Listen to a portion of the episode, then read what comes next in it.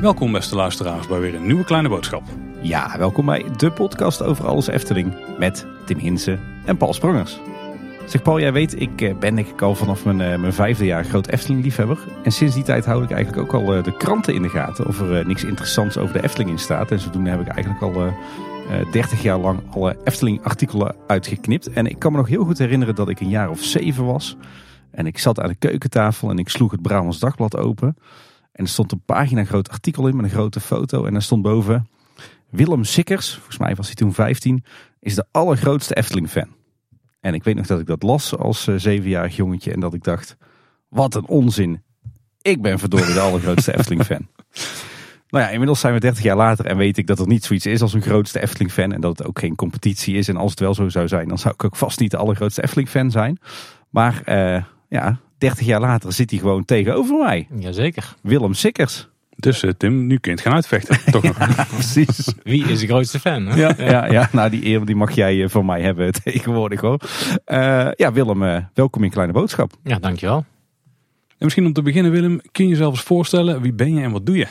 Nou ja, Willem Sikkers, oorspronkelijk geboren in Tilburg, dus een echte kruikenzeiker. Hey, en, Oeh, ik ben de minderheid. Ja, zeker. Twee kruiken aan tafel. Maar al 25 jaar woonzaam in, woonachtig in Waalwijk.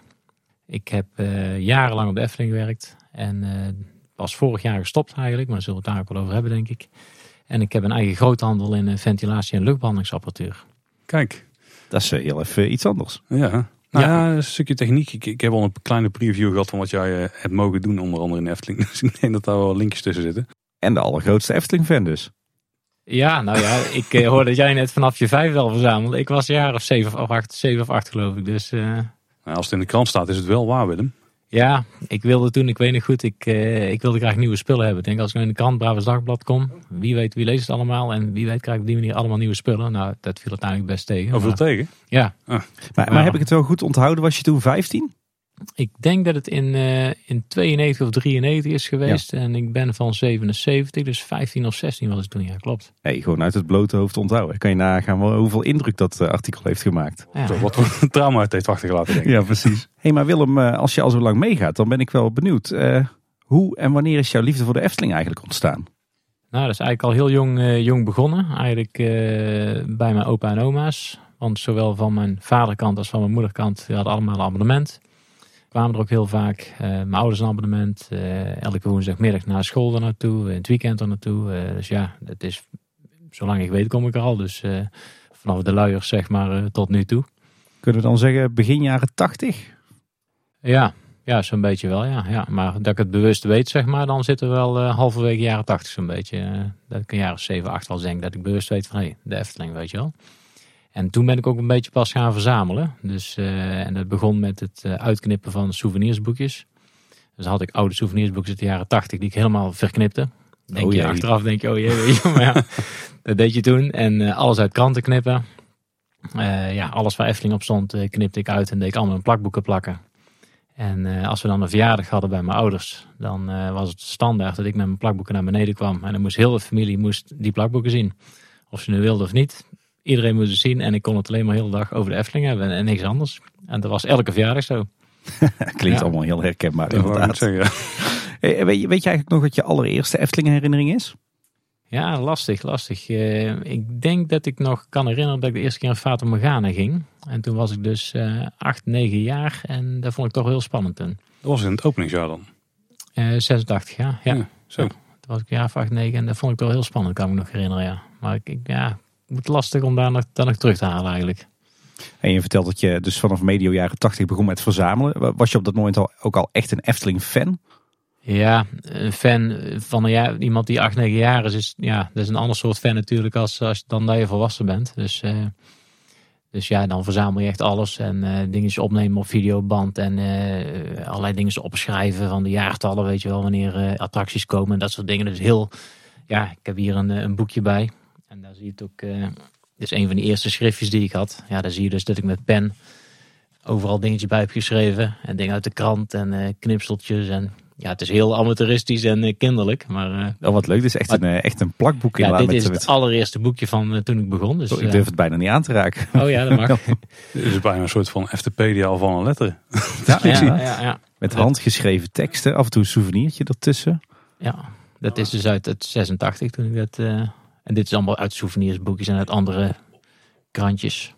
En, en elke verjaardag kwam er dus wel weer een plakboek bij. Dus op een gegeven moment had ik vier plakboeken waarmee ik naar beneden kwam. Dan vijf, dan zes en elk jaar werd het meer. En achteraf denk je, oh, allemaal oude boekjes en dingetjes die je verknipt hebt, weet je wel. Maar intussen heb je die intussen ook weer verzameld. Dus prima. Maar Ik denk dat dit, dit plakboek aan zich is ook al een reliquie zelf, toch? ja, voor mijzelf wel natuurlijk eerst mee begonnen. Wat ik dus tof vind is dat je dus bij de foto's die erin zitten gewoon beschrijft ook wat er gebeurt en zo. Het is niet gewoon de foto van oh was leuk. Tenminste het zijn vooral plaatjes uit de, de fotoboekjes denk Ja, ik. met name de fotoboekjes inderdaad. Ja, dit is ook van het fotoboekje van eh, 79 of 80 is dat geloof ik. Maar dat je eigenlijk overal wel meer context bij geeft. Ja, ja leuk. op een hele kinderlijke manier Ja, dan, ja. maar wel, eh, wel leuk inderdaad, ja. Ik sla wat verder open en ik kom eh, in een hele serie foto's van het spookslot. Dat is nu natuurlijk ook eh, actueel. Ja, ja. En je vertelde net dat je in je kinderjaren eigenlijk al meermaals per week in de Efteling kwam. Ik kan me voorstellen dat je nog een heel levendig beeld hebt van hoe de Efteling er in de jaren tachtig bij lag. Ja, dat was nog eh, heel rustig. Hè? Dus eigenlijk als je voorbij het spookslot kwam, dan had je de eh, Roei en Kano vijver. Die, die lag daar. En ja, die hoek was verder eigenlijk heel weinig te beleven verder. En dan eh, links zeg maar lag dan de Python. Maar het schip was ja, 1982, dat was dan denk ik ook net. Maar ja, het was nog, daar was het vrij stil achterin zeg maar. Eh, Wat maakte toen eigenlijk dat jij en je ouders en je grootouders eh, allemaal zulke enorme Efteling-liefhebbers waren? Wat, was toen de charme voor jullie? Ja, ik denk dat het komt van mijn opa. Die, eh, die heeft ook verzameld vroeger. En eh, toen hij eh, ouder werd en eh, ja, richting overlijden ging, zeg maar, heeft hij mij ook het boek geschonken waar hij zelf ooit eh, aan was begonnen. En eh, ja, dat vond ik toch wel prachtig om dat, eh, om dat eh, te krijgen van hem, zeg maar. En hij, ik weet niet, hij het met tranen in zijn ogen aan mij gaf. Dat hij zo fijn vond van, oh, dat, dat jij dit dan verder wilt zetten, weet je wel. Verder wilt voortzetten. En ja, waar komt die liefde vandaan? Ik weet het niet. Dus ja, het blijft iets apart, heel die Efteling dus. Maar als je zegt dat je dat van je opa eh, hebt, die was misschien al wel in de jaren 50 Efteling-liefhebber dan. Ja, ja, dat, eh, ja, ik begrijp ook, want mijn opa die heette De Kok met COCK. En eh, het schijnt dat ook een, een, een De Kok vroeger in het bestuur heeft gezeten bij de oprichting van de Efteling. Daar heeft een De Kok bij gezeten. En het was dan zijn broer, oom, achteroom, ik heb geen idee. Oh, wow. Maar zijn connecties in ieder geval. Terft allemaal door, zoals we dat Ja, zeggen. ja, ja, ja, inderdaad. Had jij die tijd al door ehm, hoe bijzonder de Efteling was?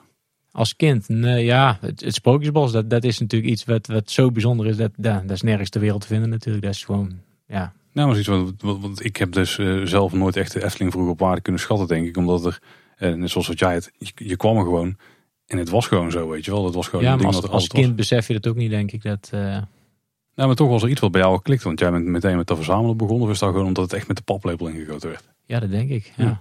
Ja. Echt een Ja. Klinkt nog steeds allemaal zeer bekend dit, moet ik Ja, zeggen. ja, Niet ja. per se een kwaadje, Tim. Nee, precies. Hey, hoe heeft jouw liefde voor de Efteling in- zich in de loop der jaren ontwikkeld dan? Want jij werd natuurlijk tiener, later twintiger. Eh, ik denk dat je ook wel heel wat hebt meegekregen van de roerige jaren negentig in de Efteling.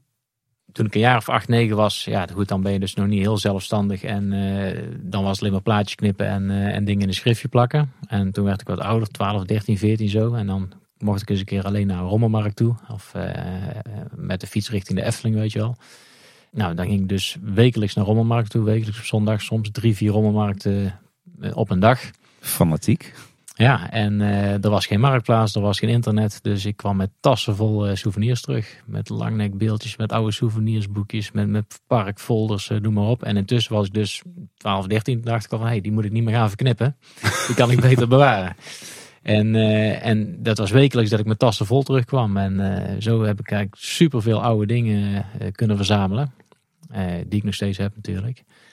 En eh, ja, dat is tegenwoordig, ja, vind je op rommelmarkten bijna niks meer natuurlijk. En ja, als er, als er iets te vinden is of op marktplaats, dan betaal je de hoofdprijs. Dus dat is een heel andere tijd als vroeger. Ja, want ik denk de echte reliquieën uit de jaren 50 en 60 die nu voor honderden euro's eh, over de toonbank gaan op marktplaats. Die heb je dan misschien wel voor een paar gulden op een rommelmarkt weten te scoren. Ja, voor een gulden of nog minder inderdaad. Dus de langnekbeeldjes uit de jaren 60, 70 eh, voor een gulden, ja, geen probleem. Je was op tijd bij, dat is wel een gunstige eigenschap Ja, geweest. toen, toen wel inderdaad, ja. ja. Ja, dat is, dat is nou bijna niet meer te doen, zeg ik al. Dus, eh, En, en nooit je ouders die zeiden van Willem, waar ben je toch mee bezig? nee, die vond het alleen maar hartstikke leuk. Die vond het prachtig. Dus dat is altijd gestimuleerd vanaf thuis. eh, van, eh, ja, die vond het prachtig dat ik daarmee bezig was, dat het mijn hobby was. Ja. Schitterend. Dan kan ik me herinneren dat als het eh, winter werd, dat Tim dan als eh, kleine jongen, ja, want het Efteling was natuurlijk toen dicht voor iedereen die het even niet scherp heeft, dan uren achter kijken in de fotoboekjes. Maar had jij ook nog manieren om de winter door te komen als eh, liefhebber? Jazeker, want eh, ik ging dan, eh, ik was 13, 14 denk ik. Ik ging dus winters richting Efteling. En dan had je dus bij ingang West destijds dat souvenirswinkeltje zitten. Maar dat zat voordat je de ingang passeerde. Dus je kon daar gewoon souvenirs kopen voordat je toegang naar tot het park had. Dus daar ging ik sowieso elk jaar een paar keer naartoe winters om souvenirs te kopen. Oh, die was ook gewoon open in de winter nog, dat winkeltje. Oh, echt in de winter bedoel je? Ja. Oh nee, dan, eh, nee, in de winter was het eh, rond Oh, het gelukkig. park. eh. nee, dit, ik heb een tijdje geen abonnement gehad. Toen, zo is het. En toen ben ik in Ah. het winkeltje vaak wat souvenirs gaan, gaan kopen. Maar winters ging ik vaak met de fiets rond het park rijden. To- Toen ook al dus. Ja, en dan rij je rond het park. Ja, het slaat nergens op. En dan ga je dus overal foto's maken van als je maar iets ziet ergens tussen een boom of iets. ja, dat leg je allemaal vast dan. En dat was toen natuurlijk met fotorolletjes en, en dat soort dingen. Dus ja, dan kwam ik met volle fotorolletjes terug. En iets later, ik denk dat ik 14, 15 was denk ik. Toen eh, ging ik dan met een vriend richting eh, Efteling in de winter. En toen had je een ingang Noord bij het Carnaval Festival. En eh, daar was het een, een in- en uitrijden van mensen, van personeel, van inleners, bedrijven die kwamen werken in de Efteling. En nou, we hebben een keer de stoute schoenen aange- aangedaan en we zijn zo naar binnen gelopen. Met z'n tweeën. En niemand die ons tegenhield. En eh, als we dan personeel tegenkwamen, die zei vriendelijk goeiedag tegen ons. En nou, dus we hebben toen heel die winter Efteling, eh, of heel de Efteling gezien in de winter. Overal konden we naar binnen. Overal stonden de deuren open. Bij Fata Morgana binnen geweest. Op de tijger gezeten. Tussen de decors gelopen. eh, Tussen de poppen. En, en dat kon. Sprookjesbos. Overal geweest. eh, bij Doornroosje. Bij eh, noem maar op. Al die huizen stonden deurtjes open. En overal kon je zo naar binnen wandelen. En niemand zei jou van wat doe je hier. Heel apart. En dat hebben we dus vervolgens elk jaar gedaan. Want ja, dat was al interessant natuurlijk. Ja, Ja, Daar kunnen we ons eh, niks bij voorstellen eigenlijk. ik eh, ga het laten zien. Ja, op dat moment, ik wou zeggen, ook een fototoestel meegenomen. Ja, kijk, ik heb hier wat, eh, wat foto's van. eh, nou, je ziet dus dat ik in de Fata Morgana ben. Tussen de poppen. In dit geval zonder kleding. De, de poppen voor de duidelijkheid. Hè? Ja, de poppen inderdaad. En eh dan zit ik op de draak. En hier heb je nog van eh door een roosje, die wachter. Ja, je kon overal zo naar binnen lopen. En, en dan hebben we het over begin jaren 90 of nog Dit jaren is 80? eh winterseizoen 95, 96. oh, dat is nog vrij recent eigenlijk. Ja, ja. Toen ben ik daar, ja, maar vo- daarvoor, het jaar daarvoor ben ik ook geweest. Ja, daarvoor ook, ja. Ik, ik heb dit een keer of vier, vijf gedaan, denk ik. Maar ik moet eerlijk zeggen, ik heb nooit, want die verleiding is er wel natuurlijk, ik heb nooit wat meegenomen. Hè, wat in die Efteling is, blijft in die Efteling. En dat, daar kon ik als fan niet over mijn hart verkrijgen om iets mee te nemen. Maar goed, dat had wel gekund natuurlijk. Kleine, kleine disclaimer voor onze luisteraars. Eh, dit gaat je tegenwoordig natuurlijk niet meer lukken. Nee, dit is eh, denk ik niet meer mogelijk, nee. Dat is wel grappig, want een, eh, een enige tijd terug hadden we natuurlijk Bram van Binnendijk eh, hier aan tafel. Ook eh, denk net wat ouder dan jij, dus misschien Ja. een- net al wat langer fan. Maar die vertelde inderdaad dezelfde verhalen. Die kon ook zomaar binnenlopen in de winter. Ja, ja, ik had van Bram het interview gehoord inderdaad. En die had weer een heel goede connectie natuurlijk met mensen daar. Dus die, die werd ook, zeg maar, ook nog rondgeleid zeg maar, door iemand. nou, dat, dat had ik dan niet. Maar nee, maar dat was wel heel leuk. En daar kwam je ook terug met, met drie, vier volle fotorolletjes. Hè. Twee, driehonderd foto's hadden we zo gemaakt. Dus Zo, ja, dat was super hoor. uniek materiaal. Maar ik krijg de indruk dat het niet alleen zo was dat, dat ze niet opmerkten. Maar misschien dat de mensen bij de Efteling het zelfs wel leuk vonden. Dat, eh, dat jullie als geïnteresseerden rondliepen in een gesloten Efteling. Nou, er liepen zoveel mensen rond, eh, ook van buitenaf, dat, eh, dat wij ook helemaal niet opvielden. Ja, er liep van alles rond. Ook Ja. zoveel inleners, ook van andere bedrijven. Dus, dus ja, dat, dat wij daar met tweeën rondliepen, ja, dat was helemaal niet bijzonder. Dat, eh, dus ja, we- wij liepen ook niet rond van, eh, als Efteling-fan natuurlijk, met mijn jassen van de Efteling of trui, dat niet. Dus eh, ja, nee, daar werd ons eh, geen strobreed in de weg gelegd toen. Hey, en eh, gewoon in het eh, zomerseizoen, hè, als het park open was. hoe herinner jij je de Efteling van de jaren 90? Ehm, ja, dat ik eigenlijk al mijn vrienden van toen, ja, die kwamen, er waren allemaal abonnementhouders. Dus je kwam daar elke weekend, zaterdag en zondag was ik daar. En dan, ja, dan spraak je af met 10, 12, 13 man. Dan liep je dus met heel die groep door de Efteling elke zaterdag, elke zondag. Dus je had daar een hele ja, vriendengroep eh, ontstond daar. We zaten, gingen al de shows van Samson en Gert. We gingen naar die eh, ijsshows eh, in het oude zwembad. Dat was standaard, elke week. Ik, Heel ik leuk. hoor echt nog steeds alleen maar herkenbare dingen. En hoe, hoe zagen jullie dagen er toen de tijd dan uit? Ja, ik zei al, al die shows bezoeken sowieso. Dat deden we sowieso. En verder een, een aantal attracties. Heb je in die tijd ook al echt gehad dat je naar nieuwe attractieopeningen toeleefde? Want die waren er wel een aantal in die, in die periode. ja, dat vonden we wel prachtig natuurlijk inderdaad. Ja. Ja, dan ging je ook allemaal foto's maken van eh, de bouw en ja, zoveel mogelijk zeg maar. Maar de Efteling gaf toen eh, ja, bijna echt niks prijs hè, van een attractie in aanbouw. Was allemaal heel geheim en heel... Ja, het komt er ook nog omdat veel in de winter natuurlijk werd gerealiseerd. ja, ja.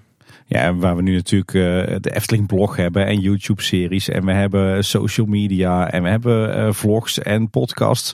Had je toen natuurlijk eh, vrij, ja, ik moet zeggen, vrij weinig kanalen waar je informatie vandaan kon halen of waar je informatie kon delen. Ehm, hoe was toen de Efteling fanwereld? Even los van die eh, weekendbezoekjes. Eh, nou, je had sowieso de Efteling Fanclubdag. Van, en die werd dan georganiseerd door de Efteling Fanclub uit Soetermeer. Dus door Jeroen en Sebastiaan. En daar was ik natuurlijk lid van. En, nou, en dan hadden we de Fanclubdag. En dan werd ook de quiz eh, georganiseerd elk jaar. Als groot eh, Efteling-fan kon je dan worden. Ben ik ook één jaar geweest, in 94 volgens mij. Ik kreeg trouwens nog een, eh, een hele foute Pardoes-trui die drie maten te groot was. Maar goed, dat, dat even terzijde. Wel heel dag aangelat en in het park mee rondgelopen natuurlijk. Want ik was helemaal trots met mijn oorkonde. En, maar dat waren wel leuke dagen. Want dan zag je dus de verzamelaars. Maar dat was maar ja, een handjevol. Dat, dat waren denk ik een, ja, een 20, 25 man die de Efteling wel leuk vonden. En dat was het. En een heleboel mensen van die Efteling fanclub, ja, die, die, die woonden verder weg. Dus die kwamen er niet. Maar eh, op zo'n dag, ja, was een gezellig samen zijn met een aantal mensen. En hoe wilde jij en je vrienden en misschien die groep eh, mensen van de Efteling Fanclub dan contact? Was dat gewoon dat je elkaar regelmatig belde of zo? Of was het gewoon we komen samen in het weekend en dan zien we wel? Ja, bellen. Bellen wel eens inderdaad. En verder eh, zag je elkaar vaak in de Efteling natuurlijk. Ja. WhatsApp groepen waren er nog niet bij, Tim. Nee, nee, bizar eigenlijk dat de fanwereld toen zo overzichtelijk was. Ja, je had er maar een paar. eh, dus ik zat ook bij de eerste, ja, niet bij de allereerste lichting. Ik denk dat dat eerder eh, Bram was eh, en wat, wat andere. Ik denk dat ik eerder bij de tweede lichting zat. Maar ja, toen waren er ook maar echt heel weinig. Ja, dat kun je nou niet meer voorstellen Nee. natuurlijk. Nee. Nee. Als je toen dus als Efteling-liefhebber een brief stuurde naar de Efteling. Van hey, ik vind de Efteling leuk of ik ga een spreekbeeld doen. Of kunnen jullie mij wat informatie sturen? Nou, dan kreeg je een heel pakket met, met, met stickers, met souvenirs, boekjes, met folders.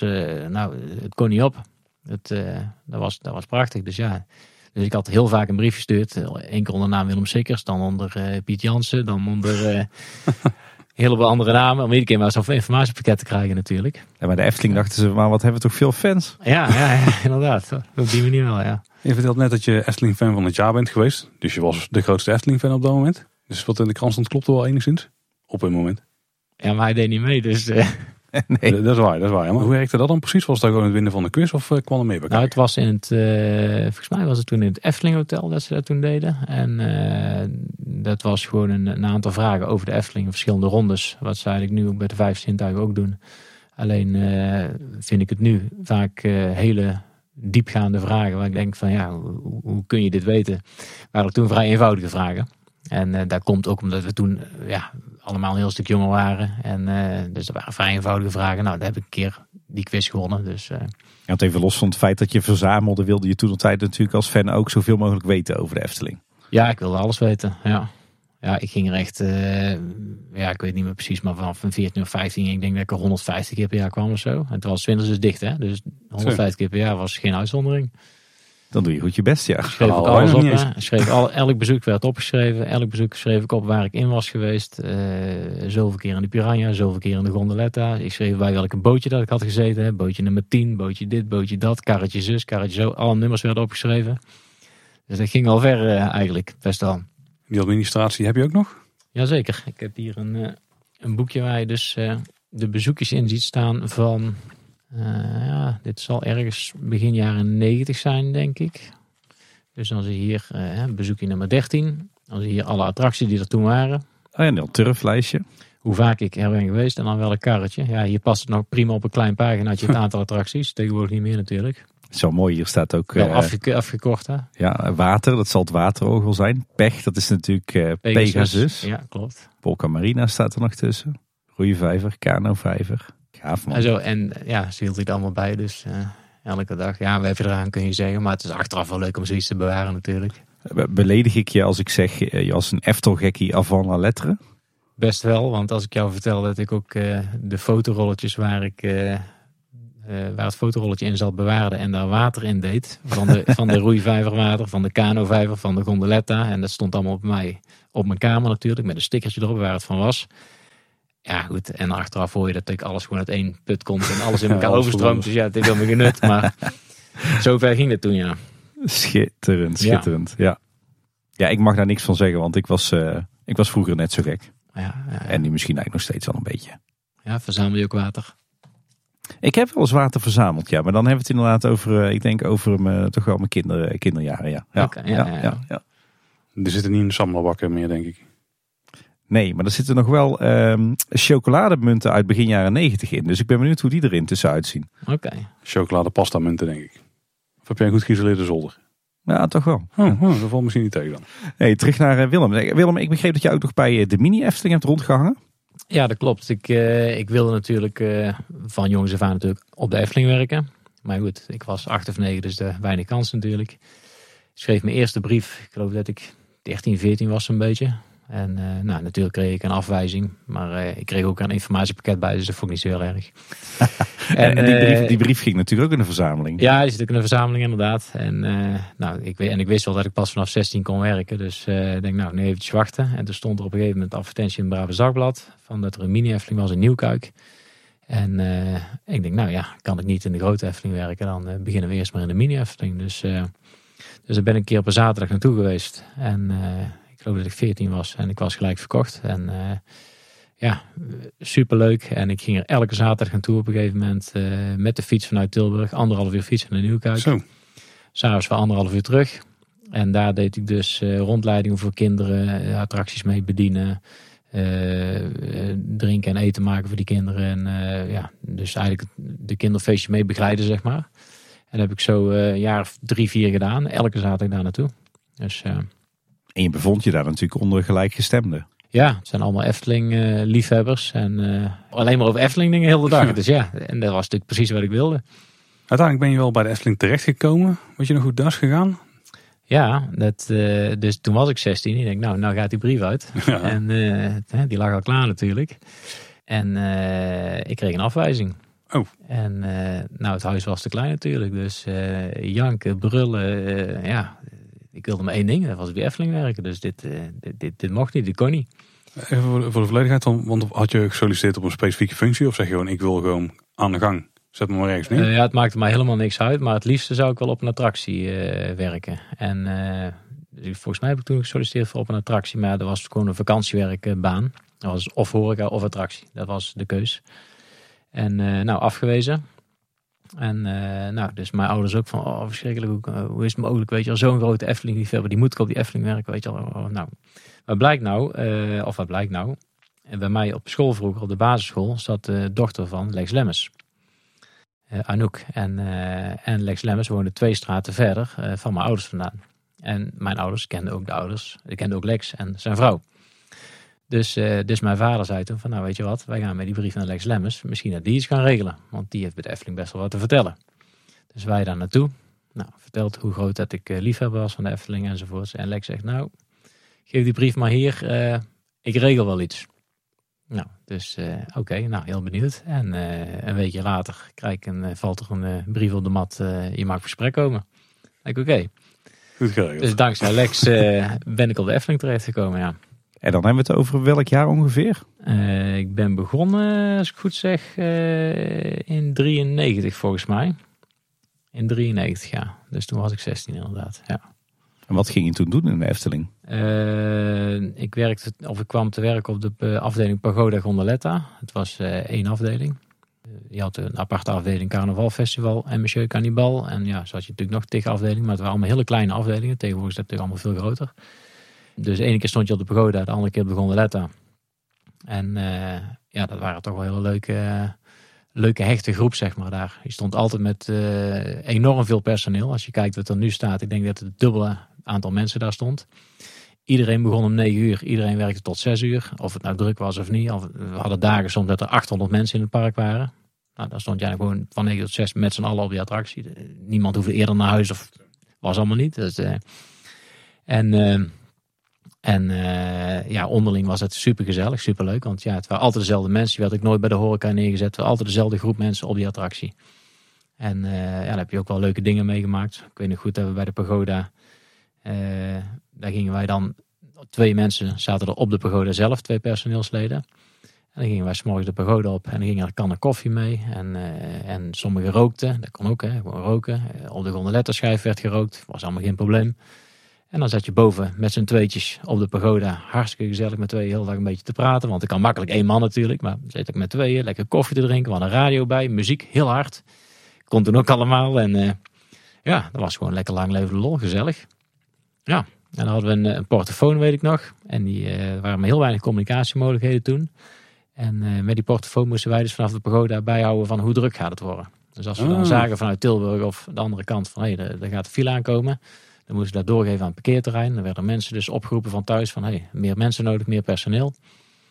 Uh, en ook beginnende brandjes in de duinen, die we dan als een van de eerste zagen. Die moesten dan doorgeven. Want ja, er waren misschien uh, 10, 20 portofoons in het hele park. Dus, dus communicatiemiddelen waren niet, uh, niet heel groot. Dat is stiekem wel een verantwoordelijke baan als je bij de pagode bent. Het gaat meer dan om alleen de attractie zelf. Ja, nee, uh, toen moesten we nog heel veel meer doen. Ja, ja en koffie drinken natuurlijk. Ja, was het ook ochtends opstarten en dan uh, boven nog even extra rondje draaien? Of nee, nee, er werd opgestart werd, uh, door de technische diensten. Dus mensen van de attracties die, zijn, die gingen opstarten. Dat zal geweest zijn vanaf 1996, 97 een beetje denk ik. Maar daarvoor deed altijd de TD alle attracties opstarten. Dus iedereen begon gewoon om 9 uur en dan was alles al opgestart. Ja, oké. Okay. En hebben we ook wel eens wat, wat, leuke dingen meegemaakt bij de pagode. Dat, of leuk, dat is eigenlijk helemaal niet leuk, maar er kan niks gebeuren. Dat die pagode op een gegeven moment scheef gaat hangen. Dat die, uh, die stabiliteit, die, uh, die viel dan weg.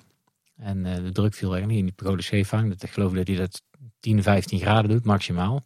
Dan valt hij in zijn slot. En dan gaat hij automatisch naar beneden. Maar ja, mensen zijn natuurlijk helemaal in paniek, want die denken het ding breekt af. Ja, of die gaat daar op 90 graden hangen, dan wordt het ja, wel lastig. Kijk, zelf weet je als personeel, er kan niks gebeuren, het ding zakt alweer. Maar uh, ja, de mensen werden natuurlijk helemaal gek. Dus wel gillen, gillen, gillen, weet je Dan moet je die proberen als je dan boven zat die mensen een beetje rustig te houden. Maar dat viel niet altijd mee. Ja, 10, 15 graden is toch wel aanzienlijk hoor. Dus uh, ik snap wel ja, van niet vandaan kan, komt. kan ik 5 graden, ik weet het niet hoor. Maar in ieder geval, het was een stukje scheef. En uh, we hebben ook wel eens gehad dat hij door zijn remmen of zo ging. Dat hij dus uh, in de put zakte. Dus dat echt iedereen ja, zat op oogte van de put. Zat helemaal onderin de put. En ja, dat was het. Laddertje gehaald en iedereen uit. Dus dan moest iedereen weer geëvacueerd worden, zeg maar, vanuit die put. Maar ja, beter beneden dan boven evacueren. Ja, zeker. Ja. Wat was de Efteling toen voor, voor bedrijf? Was het echt nog iedereen kent elkaar en lang leven de lol? Ja, dat was denk ik daarvoor nog veel meer. Dus, uh, want het was toen al, werkte natuurlijk best al aardig wat mensen.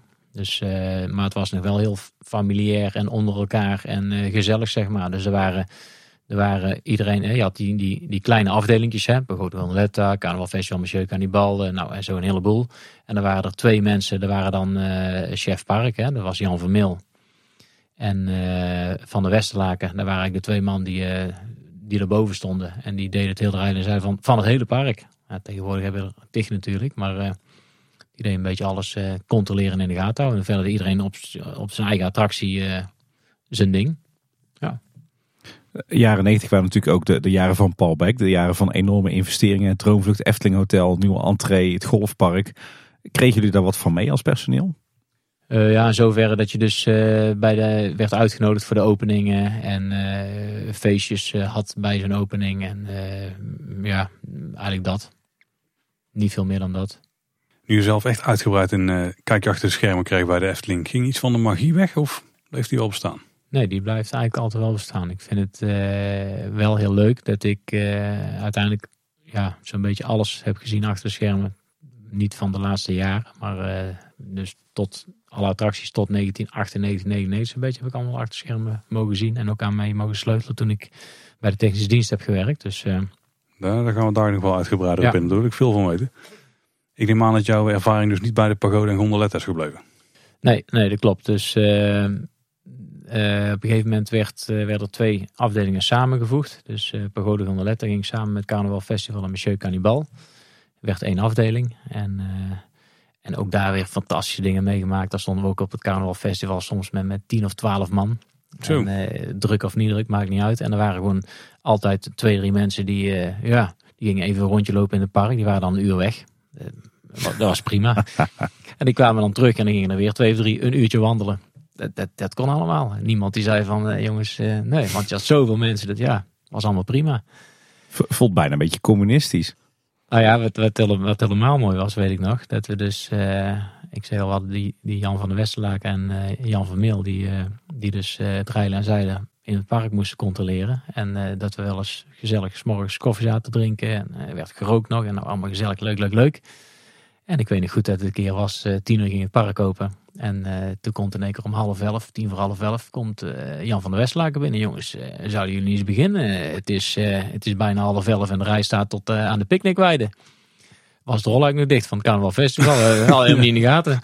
Dus, en dan was van, oh ja, oké, weet je wel. Nou, rolluik open en beginnen, weet je wel. Nou, als je dat nou doet, dan ja... Hè? ja, dat komt toen allemaal. Dus, ja. Maar- Maar werd even, even los van alle lol die jullie met z'n allen hadden, werd, werd er ook wel hard gewerkt? Soms. Ja, nee, ik zei al, je stond bij zoveel mensen dat, dat heel hard werken, dat, dat hoefde niet altijd. Wel als er, eh, je had ook vaak dat er dan ja, bijvoorbeeld eh, mensen van een verzorgingshuis kwamen met, met 30, 35 rolstoelen. eh, die allemaal in die attractie wilden. Ja, dan moest je wel eventjes iedereen op de draai schuiven en iedereen even helpen. En dat is ook compleet anders dan tegenwoordig. Wij deden toen gewoon 30, 35 rolstoelen achter elkaar in die attractie. Dus niet eh, vier, de, vier kaartjes ertussen of tien kaartjes ertussen. Hè, in verband met ontruimingen die kunnen Mhm. voorkomen. En alles ging gewoon erin. Alles. Alle 35, hoppakee. Ja, Je hebt toen dus meegemaakt dat je in principe twee attracties, eh, dat je daarop kon staan. Toen moest je in één keer naar vier attracties. Kreeg je ook eh, training op ieder van die attracties? Ja, sowieso training inderdaad om ja, niet veel meer dan de attractie te bedienen, zeg maar. Dat, dat is het eigenlijk. Dus de echte opstarten dat, van de attractie, dat kwam pas later. Dat je dat zelf als personeel eh, mocht doen. Dus als je de attractie gewoon draaide, dus mensen er, eh, zorgde dat mensen erin gingen en zorgde dat mensen eruit kwamen. Daar hoefde je niet, dat was gewoon meelopen met collega's en zo leerde je het. Nou ja, heel, heel simpel. Eh, stel voor Monsieur Cannibal. Ik denk dat ik daar een 10 minuten uitleg heb gekregen. En toen was het van, nou, succes. Zo ging dat toen. ja. En dat, ja, ook geen kwalificaties en dat is tegenwoordig. Nee, dat, dat was gewoon, ja, inderdaad even uitleg van een collega. En snap je het? Ja, oké, begin maar. En eh, deden jullie tussendoor wel wat aan, aan, aan onderhoud en klusjes en dergelijke verstoringen oplossen? Of was dat echt allemaal de taak van de technische dienst? Deed allemaal technische dienst, ja. ja. Voor alles moest technische dienst gebeld worden. Ja. Ik zit te denken, jij, jij stond dus begin jaren negentig eh, op attracties. Dat was ook de tijd van de, van de, de echte ouderwetse zomeravonden nog.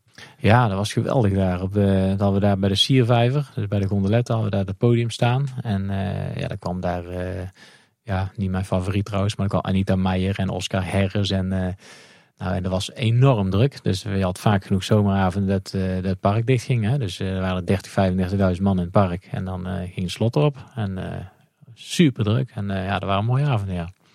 Gekke dingen meegemaakt in die jaren, Eh, tijdens de zomeravonden of in het algemeen? in Of, het eh, algemeen. Ja, best wel. Dus, nou, we hadden een, eh, een personeelslid bij het Carnaval Festival. Dat was wel een aparte kerel. En eh, ik zal geen namen noemen. Maar die, eh, die zei, weet je wat, zegt hij. We staan met zoveel man hier. Ik ga eventjes eh, naar de draak in, bij China. En ga even op de draak zitten.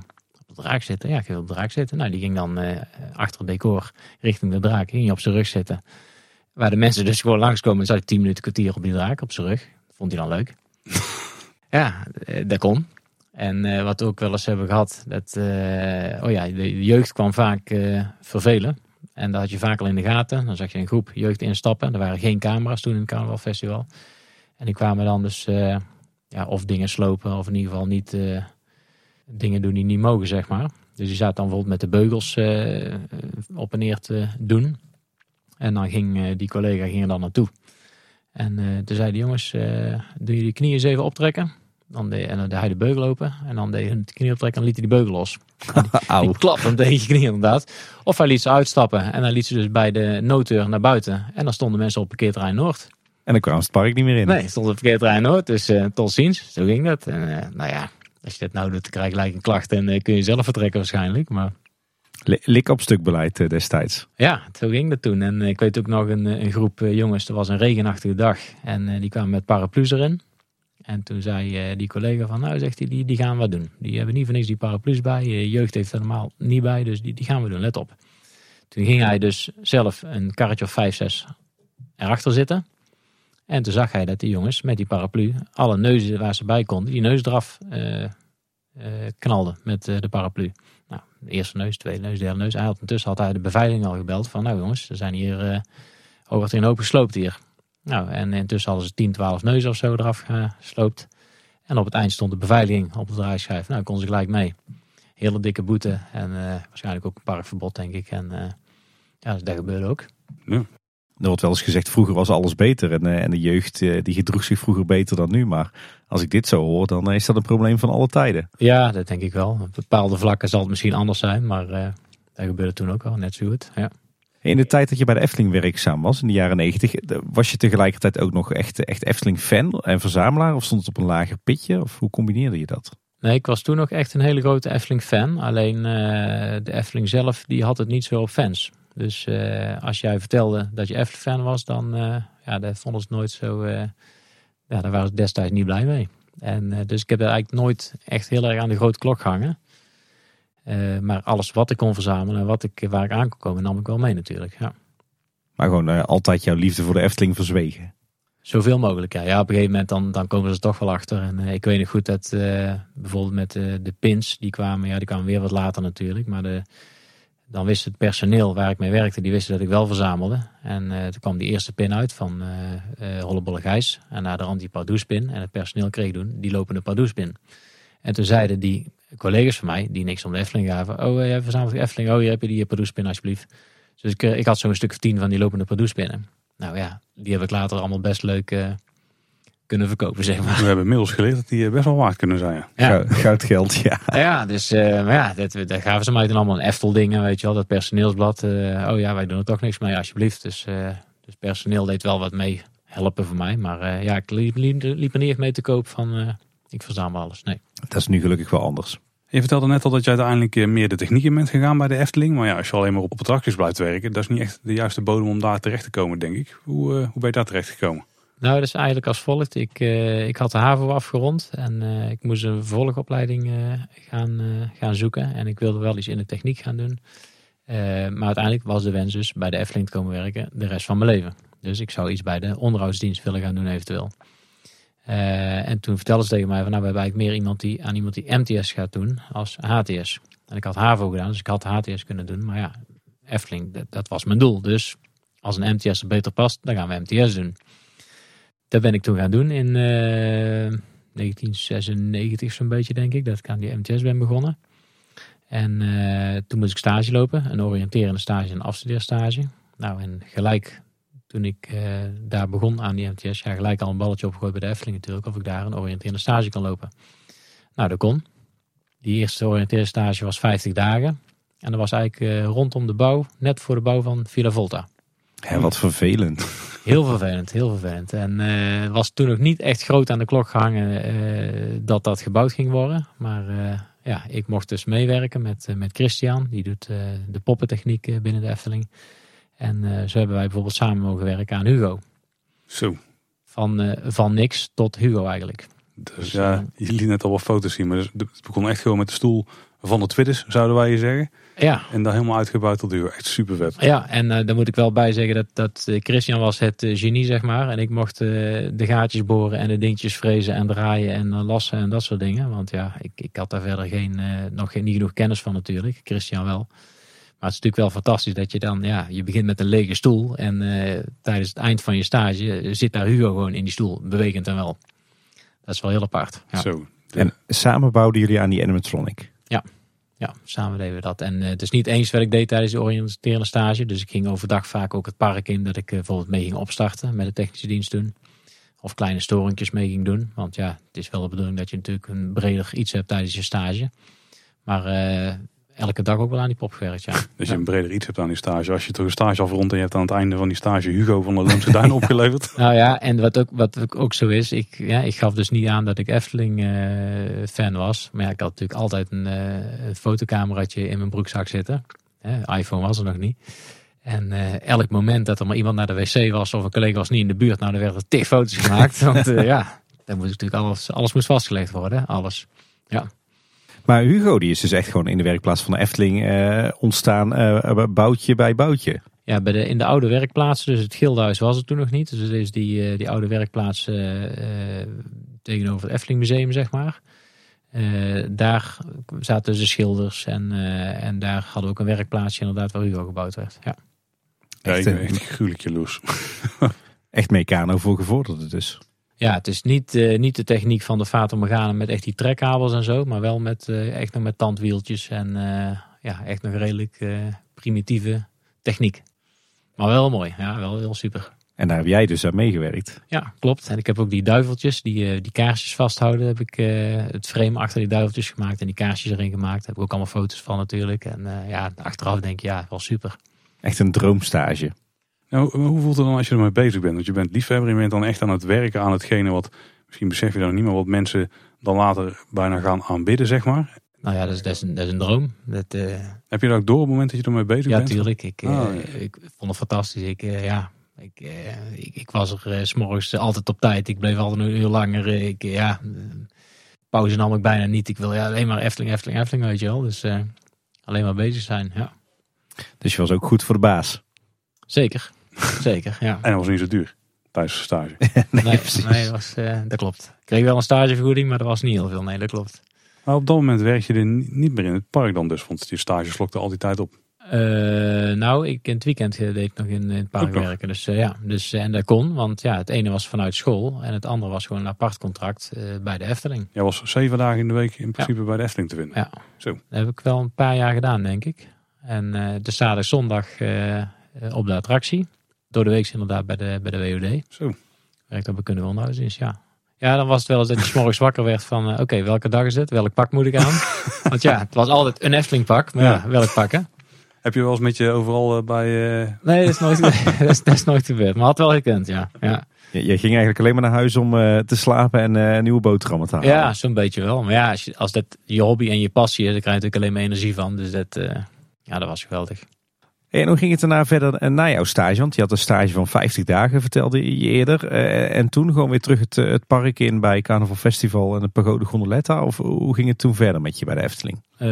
Nou, ik had toen dus die oriënteringsstage afge, die was afgerond. Toen heb ik de weekenden bleef ik dus bij de Efteling gewoon werken, want door de week zat ik gewoon op school natuurlijk.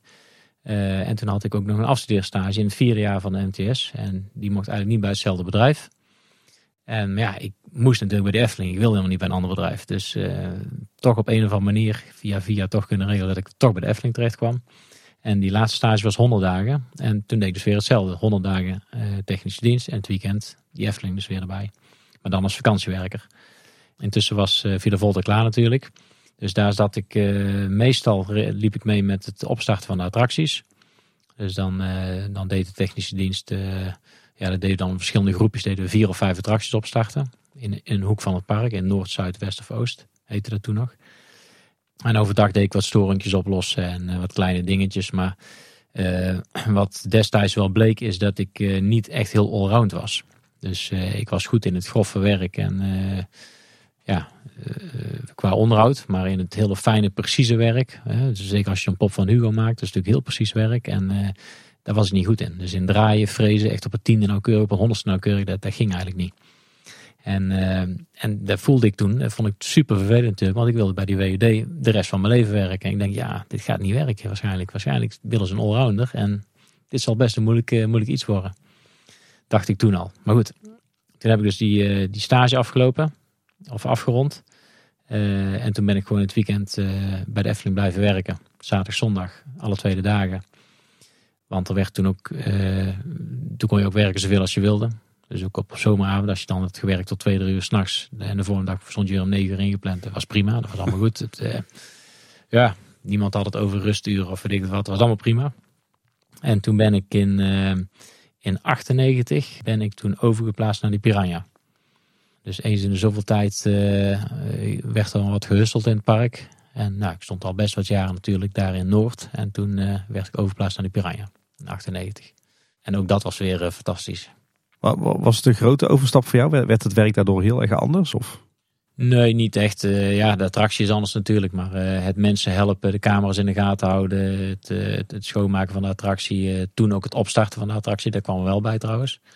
Dus wij kregen eh, de opleiding van Fons van Es. Die deed alle opstartcursussen met het personeel. En nou, zo ook bij de Piranha. En dan werd het wel interessanter door. Dus dat je ook ja, je eigen attractie mag controleren als er iets is. En als er dan iets mee was, al was het heel klein, moest nog de technische dienst het oplossen. Maar je, je werk werd wel afwisselender natuurlijk, dat wel. Hoe zagen de werkdagen bij de, de Piranha eruit? Waar, waar bestond je werk uit? Eh, wij begonnen om half negen met uh, opstarten. Van half negen tot half tien zo'n beetje. En als er dan wat was, dan ging de technische dienst dat oplossen voor tien uur. Uh, als de kleine storing was. En dan hadden wij om half tien even pauze. En om tien uur begonnen we te werken tot zes. En, dat, en daar begon het begin begon het een beetje dat sommige mensen eerder van huis mochten om vier uur als het minder druk was. Dus toen begon het een beetje na te denken van hé, hey, een beetje raar als we hier met een duizend man in het park met tien man staan. Ja. Nu, nu hebben we een expert aan tafel zitten, dus we kunnen vragen. Hoe werkt het opstarten van Piranha?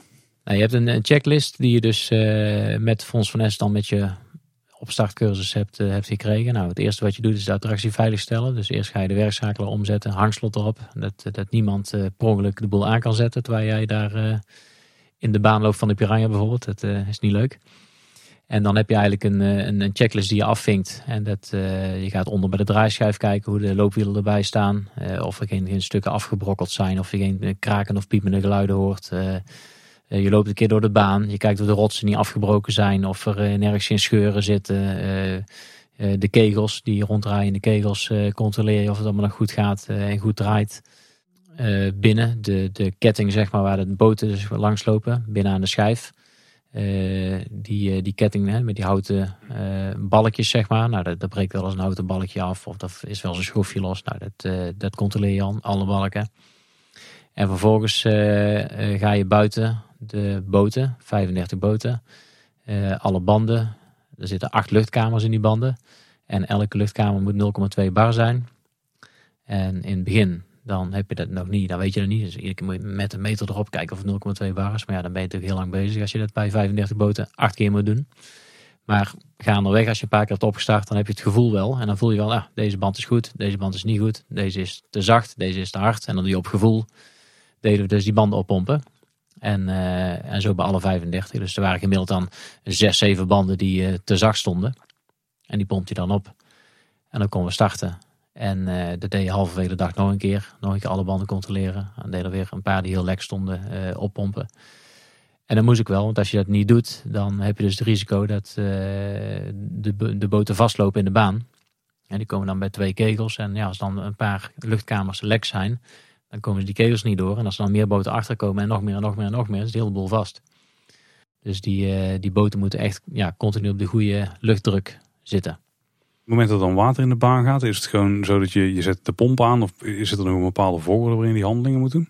Nee, dus uh, dan heb je alles gecontroleerd. En als de attractie dan veilig is uh, geen gekke storingen, dan uh, hangslot eraf. En dan zet je de vier pompen aan. Er zijn enorme pompen, die zijn echt vijf, zes meter lang. in de pompenkelder zitten die, die zie je niet, die zitten altijd onder water. Dus daar zit een, een aantal meter verschil zeg maar, tussen het begin van de rit, waar de boot de draaischijf afgaat, en, en het eind. En dat betekent dus dat s morgens uh, binnen er geen water staat. En het eerste deel van de baan ook niet. Uh, tot uh, wat we noemen de Rode Zee. En de Rode Zee is dus de twee watervallen waar je tussendoor gaat. daar begint het water zeg maar s morgens. Dus tot daar kun je ook controleren en niet verder. Nou, dan zet je die pomp aan en dan duurt het ongeveer een minuutje of mm, vier, drie, vier. En dan is alles, dan geeft hij boven op, op een gegeven moment een seintje op het, op het bedieningsbord dat het water op niveau is. En dan mogen de boten de baan in. dat is best rap eigenlijk. Dat hij alles in een minuut of vier, vijf... Uh... Ja, ja, een minuutje vier uh, duurt dat zo'n beetje, ja. Ze noemen het niet voor niks een river rap, it right. Heel scherp, heel scherp. Ik vind hem heel scherp. dus, uh, ja, Tim, helemaal goed. Neem nog een technisch vraagje, want dat vind ik altijd heel tof bij Piranha. Als je daar binnenkomt, ik denk niet dat heel veel mensen zich beseffen. Maar dan heb je de draaischijf waar je dan langs gaat. En de eerste, ik denk vier meter of zo van de buitenring. Daar draai ook van die latjes mee. Maar het eerste stuk daarvan, daar is een los uh, ja, een los spoor, of hoe moeten we dat noemen? Een los stuk. Losse ketting. Ja, losse ketting. En die stopte even om jouw bootje juist te draaien. Hoe weet je nu dat je bootje juist staat? Nou, dat was toen ik er begon was er nog niet. Hè? Toen hadden, moesten wij met de hand moesten wij oh. dan, uh, moesten wij die boten draaien. Dus er stond altijd iemand bij de uitstap. Nou heb je daar een hele lange uh, stalen balk zitten. Dat de mensen dus niet kunnen uitstappen. en vroeger was die balk, die was er niet. En uh, dus die was heel kort. En dan stonden wij als personeel daar. Dan moesten wij zelf elke boot draaien met de hand. Met, oh, met de hand? Met de hand. Zo, uh, ja, het zegt, ja, kan me. Ja. Kan me dus er, er stond altijd iemand. En we hadden boven, als dan diegene die bij de uitstap stond weg moest. Vanwege een rolstoel halen of net wat. Dan hadden we boven hadden we een knopje. Waarmee we dus die ketting dus uh, aan konden zetten of stop kunnen zetten. Maar elke boot moest dus eh, gedraaid worden. Dat de mensen dus juist eh, uit kunnen stappen. Maar dus is het nu volledig geautomatiseerd dan? Ja, er zit een, een cameraatje zit er. eh, als je dus dat eerste kleine stukje ketting hebt. En je kijkt eigenlijk rechtsboven tegen een houten balk. Zie je een heel Mhm. klein cameraatje zitten. En die, eh, die ziet nou op een gegeven moment. Zit op de boot zit een soort strippen. Ah, En je ziet op de, aan die strip van waar die boot zit. En die draait hem dan dus. kijk. Of die zorgt dat die ketting dan even stilstaat. Zo moet ik zeggen. Ah, mysterie opgelost. Altijd afgevraagd van waar die dan automatisch naar keek. Oké, En, dan- heb je ook apart, eh, dat is heel apart. Dan, ja, dan, dan ligt die boot dus juist om uit te stappen op de draaischijf. En heb je mensen die dan aan de andere kant uitstappen, zo het water in. dan denk je, ja, hoe kan het? eh, Hè? Of helemaal aan de andere kant staan, dan aan de andere kant van, eh, ja, denk je, ja. Mensen denken op dat moment niet nadenken of zo, ik weet het niet. Het wordt toch wel eens gezegd, als mensen naar de Efteling gaan, dan laten ze hun hersens achter in de auto. Daar lijkt het soms op, ja. ja. ja. Als mensen dan iets kwijt waren, hè, sommige mensen hadden dan een dure zonnebril kwijt of de portemonnee kwijt. En eh, ja, die mensen gaan natuurlijk niet naar huis voordat ze die eh, terug hebben. En dan moesten we af en toe, en tegenwoordig mag het helemaal niet meer, dan gingen we af en toe met een, met een liespak aan. En dan hadden we een, een, zoeker met eh, een, een buis was dat, met aan de onderkant een eh, glazen eh, schermpje. En dan gingen we dus met die liespak en die buis tussen de boten, gingen we dan met het ding zoeken of we dan die portemonnee of die, eh, die zonnebril konden vinden. Terwijl de boten in die baan waren. Zo, Dus eh, ja, dat vond je natuurlijk bijna nooit. Want ja, dat, dat moet maar heel toevallig zijn dat dan net daar die portemonnee blijft liggen. Maar dat deden we toen wel eens gewoon overdag terwijl de baan draaide. Dus ja. Wat heb je eigenlijk in al die jaren eh, meegemaakt toen je bij de Piranha werkte? Eh, nou, best veel. Dus eh, ik weet nog goed dat we op een gegeven moment kregen we allemaal themakleding. En dat, is, dat is maar een heel korte periode geweest. Maar dan had je dus op elke attractie een apart pak aan. En toen hadden we bij de Piranha hadden we een poncho. Ik heb hem thuis naar hangen met een sombrero hoed. Die sombrero hoed is heel kort geweest. Want ja, daar zat zo'n touwtje om je nek. En eh, continu zaten mensen bij het uitstappen. Ja, die pakt iets om vast te pakken. En die pakt dus aan die hoed van jou. Dus continu eh, werd je bijna gekild. En, eh, dus dat was niet heel prettig. Dus die hoed die ging als eerste eraf. Die poncho hebben we nog jarenlang aangehad. Ehm, en bij de Bob hadden we dan een, zo'n Tiroler hoedje op en een Tiroler pakje aan. En bij de Fata Morgana hadden we een zo'n Pasha-achtige eh, pak aan. En een matrozenpak bij de Kano vijver. En ik weet ook nog bij de Spookslot hadden we een doodschaverspak aan. Zo'n zwarte jas, hoge hoed op. En eh, daar deden mensen wel eens moeilijk over. Wat ik snap, want ja, stel dat jij net een dierbare hebt eh, verloren. En je ziet daar in één keer, ja, dat kan best wel eens aanstootgevend zijn, zeg ja. maar. Dus, eh, maar ik weet niet, heel mijn kast thuis eh, vol hing met kleding. Want ik had, elk pak had ik eh, daar hangen. Want ja, je werd toen wel eens gerouleerd eh, tussen de attracties. Dus ja, van elk pak moest je iets hebben. Dus. zo. En het is, ja, dat is maar een jaar of drie denk ik geweest, die themakleding. Want dat is natuurlijk ondoenlijk dat iedereen een heel eh, kledingwinkel thuis heeft van de Efteling. Ja. Dus eh, Wel praktisch Ja. van carnaval. Maar ja, dat wel, ja. ja. ja. Maar, maar je hebt dus eh, op iedere attractie in het, het Anderrijk toen nog het Zuiderpark gewerkt. Ja, ja, daar heb ik overal gestaan inderdaad. Ja. En, eh, de, ik vond de roei- en kanovijver altijd wel leuk. Dat was altijd wel, eh, ja, daar stond je dan alleen. Dat was altijd wel eh, ja, lekker relaxed, lekker buiten. En, eh, maar ja, dan had je weer jeugd, die vond het dan leuk om in een bootje te stappen in de roeivijver. En die ging dan helemaal naar de andere kant van de roeivijver en dan stapten ze daaruit. En dan zwaaiden ze een keer. Nou ja, en je stond maar alleen, dus je kon niks. Dus eh, dan moest je wachten tot er een collega kwam, moest je die boot op gaan halen. En dan eh, nou, was die boot terug. En tien minuten later gebeurde hetzelfde, weet je wel. Allemaal Ja. dat. Of dat er een boot omsloeg of dat soort dingen. En, en maar omroepen dat de 20 minuten voorbij waren. Ja, dat was toen al niet echt meer dat we daarop letten. Want de mensen bleven al niet veel langer dan 20 minuten op die plas. Dan hadden ze dat gauw gezien. Dus eh er waren zoveel mensen erin gevallen. En die moesten andere kleren drogen altijd bij de Piranha. Dus hadden we een droger staan. En eh, een hoop handdoeken en zo. En dan konden ze daar eh, kleren drogen. Maar dat was ja, bijna dagelijks. Zeker bij die kanovijver. Want er was best wel lastig instappen. En eh, ja, dat is vrij wankel zeg maar. Dus daar, daar ging bijna elke dag wel iemand erin. Goeie oude tijd. De roeivijver en de kanovijver. zeker, ja. Ja, en bij, die Piranha weet ik nog, dat, eh daar kun je nou ook niet meer indenken. Op een gegeven moment hadden we daar de... We hebben heel lang daar muziek gehad. Nu hebben ze natuurlijk de thema muziek van de Efteling. Daarvoor hebben ze heel lang muziek gehad van de Gypsy Kings. En een beetje Mexicaans, zeg maar. Was ook leuk.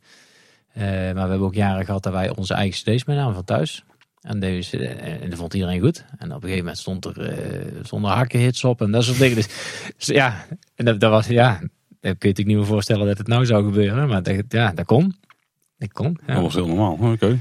Ja, nou ja, normaal misschien niet, maar eh, niemand die er iets van zei. Dus eh, ja, dat waren nog eens tijden, ja. Was je toen eh, in die periode alleen maar actief op de attracties in uh, Anderrijk? Of heb je nog meer leuke dingen gedaan rondom de Efteling? Ja, want ik wilde ja, uiteindelijk meer dan alleen maar attracties. En uiteindelijk nog steeds bij die technische dienst eigenlijk. En toen kreeg ik de mogelijkheid om TPM'er te worden. En TPM staat voor Training Productive Maintenance, meen ik. Ik weet het niet precies, maar hm. heeft in ieder geval met onderhoud te maken. En dat was eigenlijk, dat heet tegenwoordig eigenlijk de eerste lijnsmedewerker. Uh, dus dan doe je kleine klusjes doe je dan. Dus uh, een lampje vervangen, een beugeltje ergens opzetten, en, uh, een slotje maken, dat soort dingen. En daar werd ik dan voor vrijgemaakt. Een paar uur in de week mocht ik dat doen. Naast mijn werk dan bij, bij die Piranha. En, maar uiteindelijk schoten dat heel vaak bij in. Dan was het druk. En dan, ja, deze week, ja, sorry, geen tijd. heel de week Piranha. En ja, uiteindelijk kwam er niet echt van de grond. Dus dat is maar kort geweest. Uh, maar één ding herinner ik me nog wel heel goed. Uh, dat was onder bij het spookslot. Daar hadden we een ruimte naast de viool. En dat werd eigenlijk als opslaghok gebruikt. Daar, daar, daar stond de oude televisie, daar stonden oude decorstukken, stonden oude hoofden van de piranha beelden. Maar er stonden, lagen ook allemaal mappen. Mappen vol, allemaal ordners. Misschien wel honderd ordners met allemaal papierwerk. En uh, toen wilde ze daar op gaan ruimen. En toen zei nou Willem, jij doet TPM. Uh, eh, dat valt er ook wel onder. Ga jij maar daar aan de gang en gooi alles maar weg. Al het papierwerk wat je vindt, gooi maar weg. Ja, oké. Dus, uh, en ik denk, nou, dit wordt een uh, snoepwinkel voor mij natuurlijk. ja. Dus ik uh, in die papieren kijken. En nou ja, daar vond ik wel even heel leuke dingen natuurlijk. En, en die heb ik ook meegenomen. Maar eerlijk gekregen, want ik kreeg toen een, had ik tegen mijn leidinggevende gezegd van, nou, ik verzamel Efteling. En ik had wat dingetjes achtergehouden. Ik zeg, mag ik deze toevallig meenemen? En nou, dan kreeg je, kreeg je een briefje destijds. Dat ondertekende hij dat hij akkoord ging dat ik het meenam. Ik heb het meegenomen.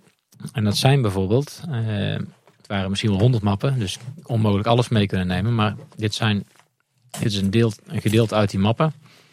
En dan zie je bijvoorbeeld een handgeschreven brief van Anton Pieck, uh, vierde kwartaal 1972, dat Anton Pieck dus 3000 gulden kreeg voor zijn tekenwerk. Jeetje. Handgeschreven, 21 december 1972. Oh, 3420 gulden zelfs. Ja, hij kreeg oh, nog 14% BTW destijds. ja. Jeetje. Ja, ja dit is inderdaad het echte let, de, de, het handschrift ja, van Anton Ja, zit er meerdere keren in. Hoor. Dat is eigenlijk zijn handgeschreven loonstrookje. Maar ook voor andere mensen destijds in de directie. Dus ja, er zijn allerlei brieven van belangrijke mensen, zeg maar. Jeetje. Uh, zie je ook nog een Anton hier weer. Van derde kwartaal 1972. Alle handgeschreven facturen van Anton Pieck. Ja, ja, ja zijn, zijn loonstrookje eigenlijk. Hè? Zijn eigen loonstrookje. Dus dat soort dingen. Dat, uh, dus ik heb een klein, klein stapeltje meegenomen en ja, een briefje voor gekregen, dus prima. Ja, dat is natuurlijk prachtig om dat in de verzameling te hebben, zoiets. Zonder dat men dat gewoon maar weggooien. Ja, nou wat er ook bij zat van de Pondor 1972, de, die prijs die ze hebben gewonnen, zitten hier alle uh, uitnodigingen in van iedereen die uitgenodigd was bij die Pondor. Uh, hoe het programma eruit zag.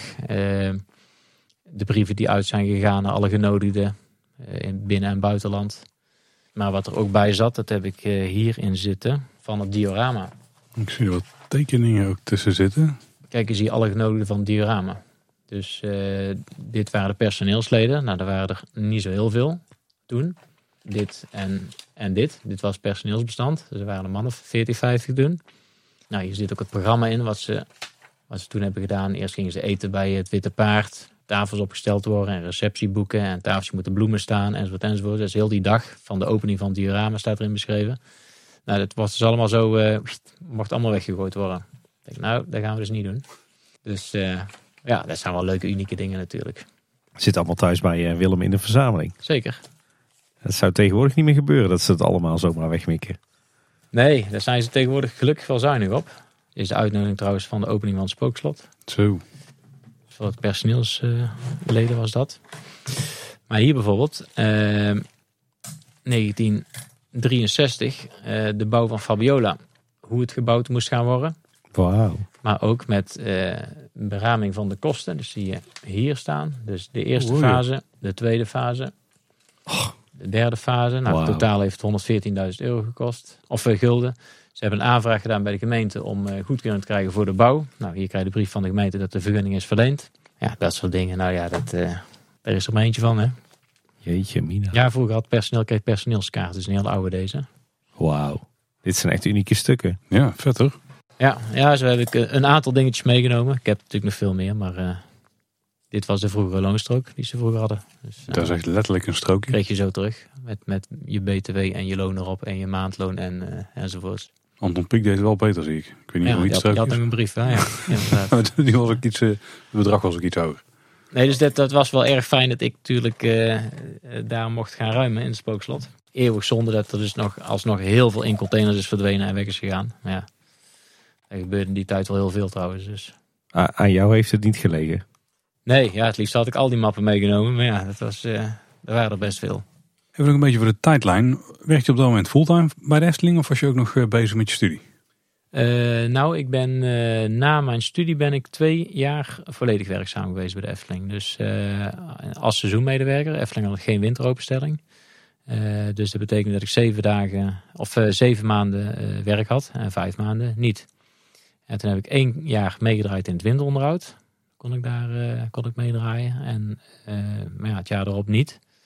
En iedere keer moet ik opnieuw solliciteren. En iedere keer kreeg ik maar een zeven maanden contract. Hm. En dan weer vijf maanden thuis. Zeven maanden contract, vijf maanden thuis. En ja, dat heb ik twee jaar gedaan volgens mij. En uh, ja, op een gegeven wil je toch wat meer vastigheid. Ik ging ook een huis kopen. En denk, ja, hier ga ik het niet krijgen. Dus wel van alles nog geprobeerd en brieven geschreven en via via. En nou, ging niet.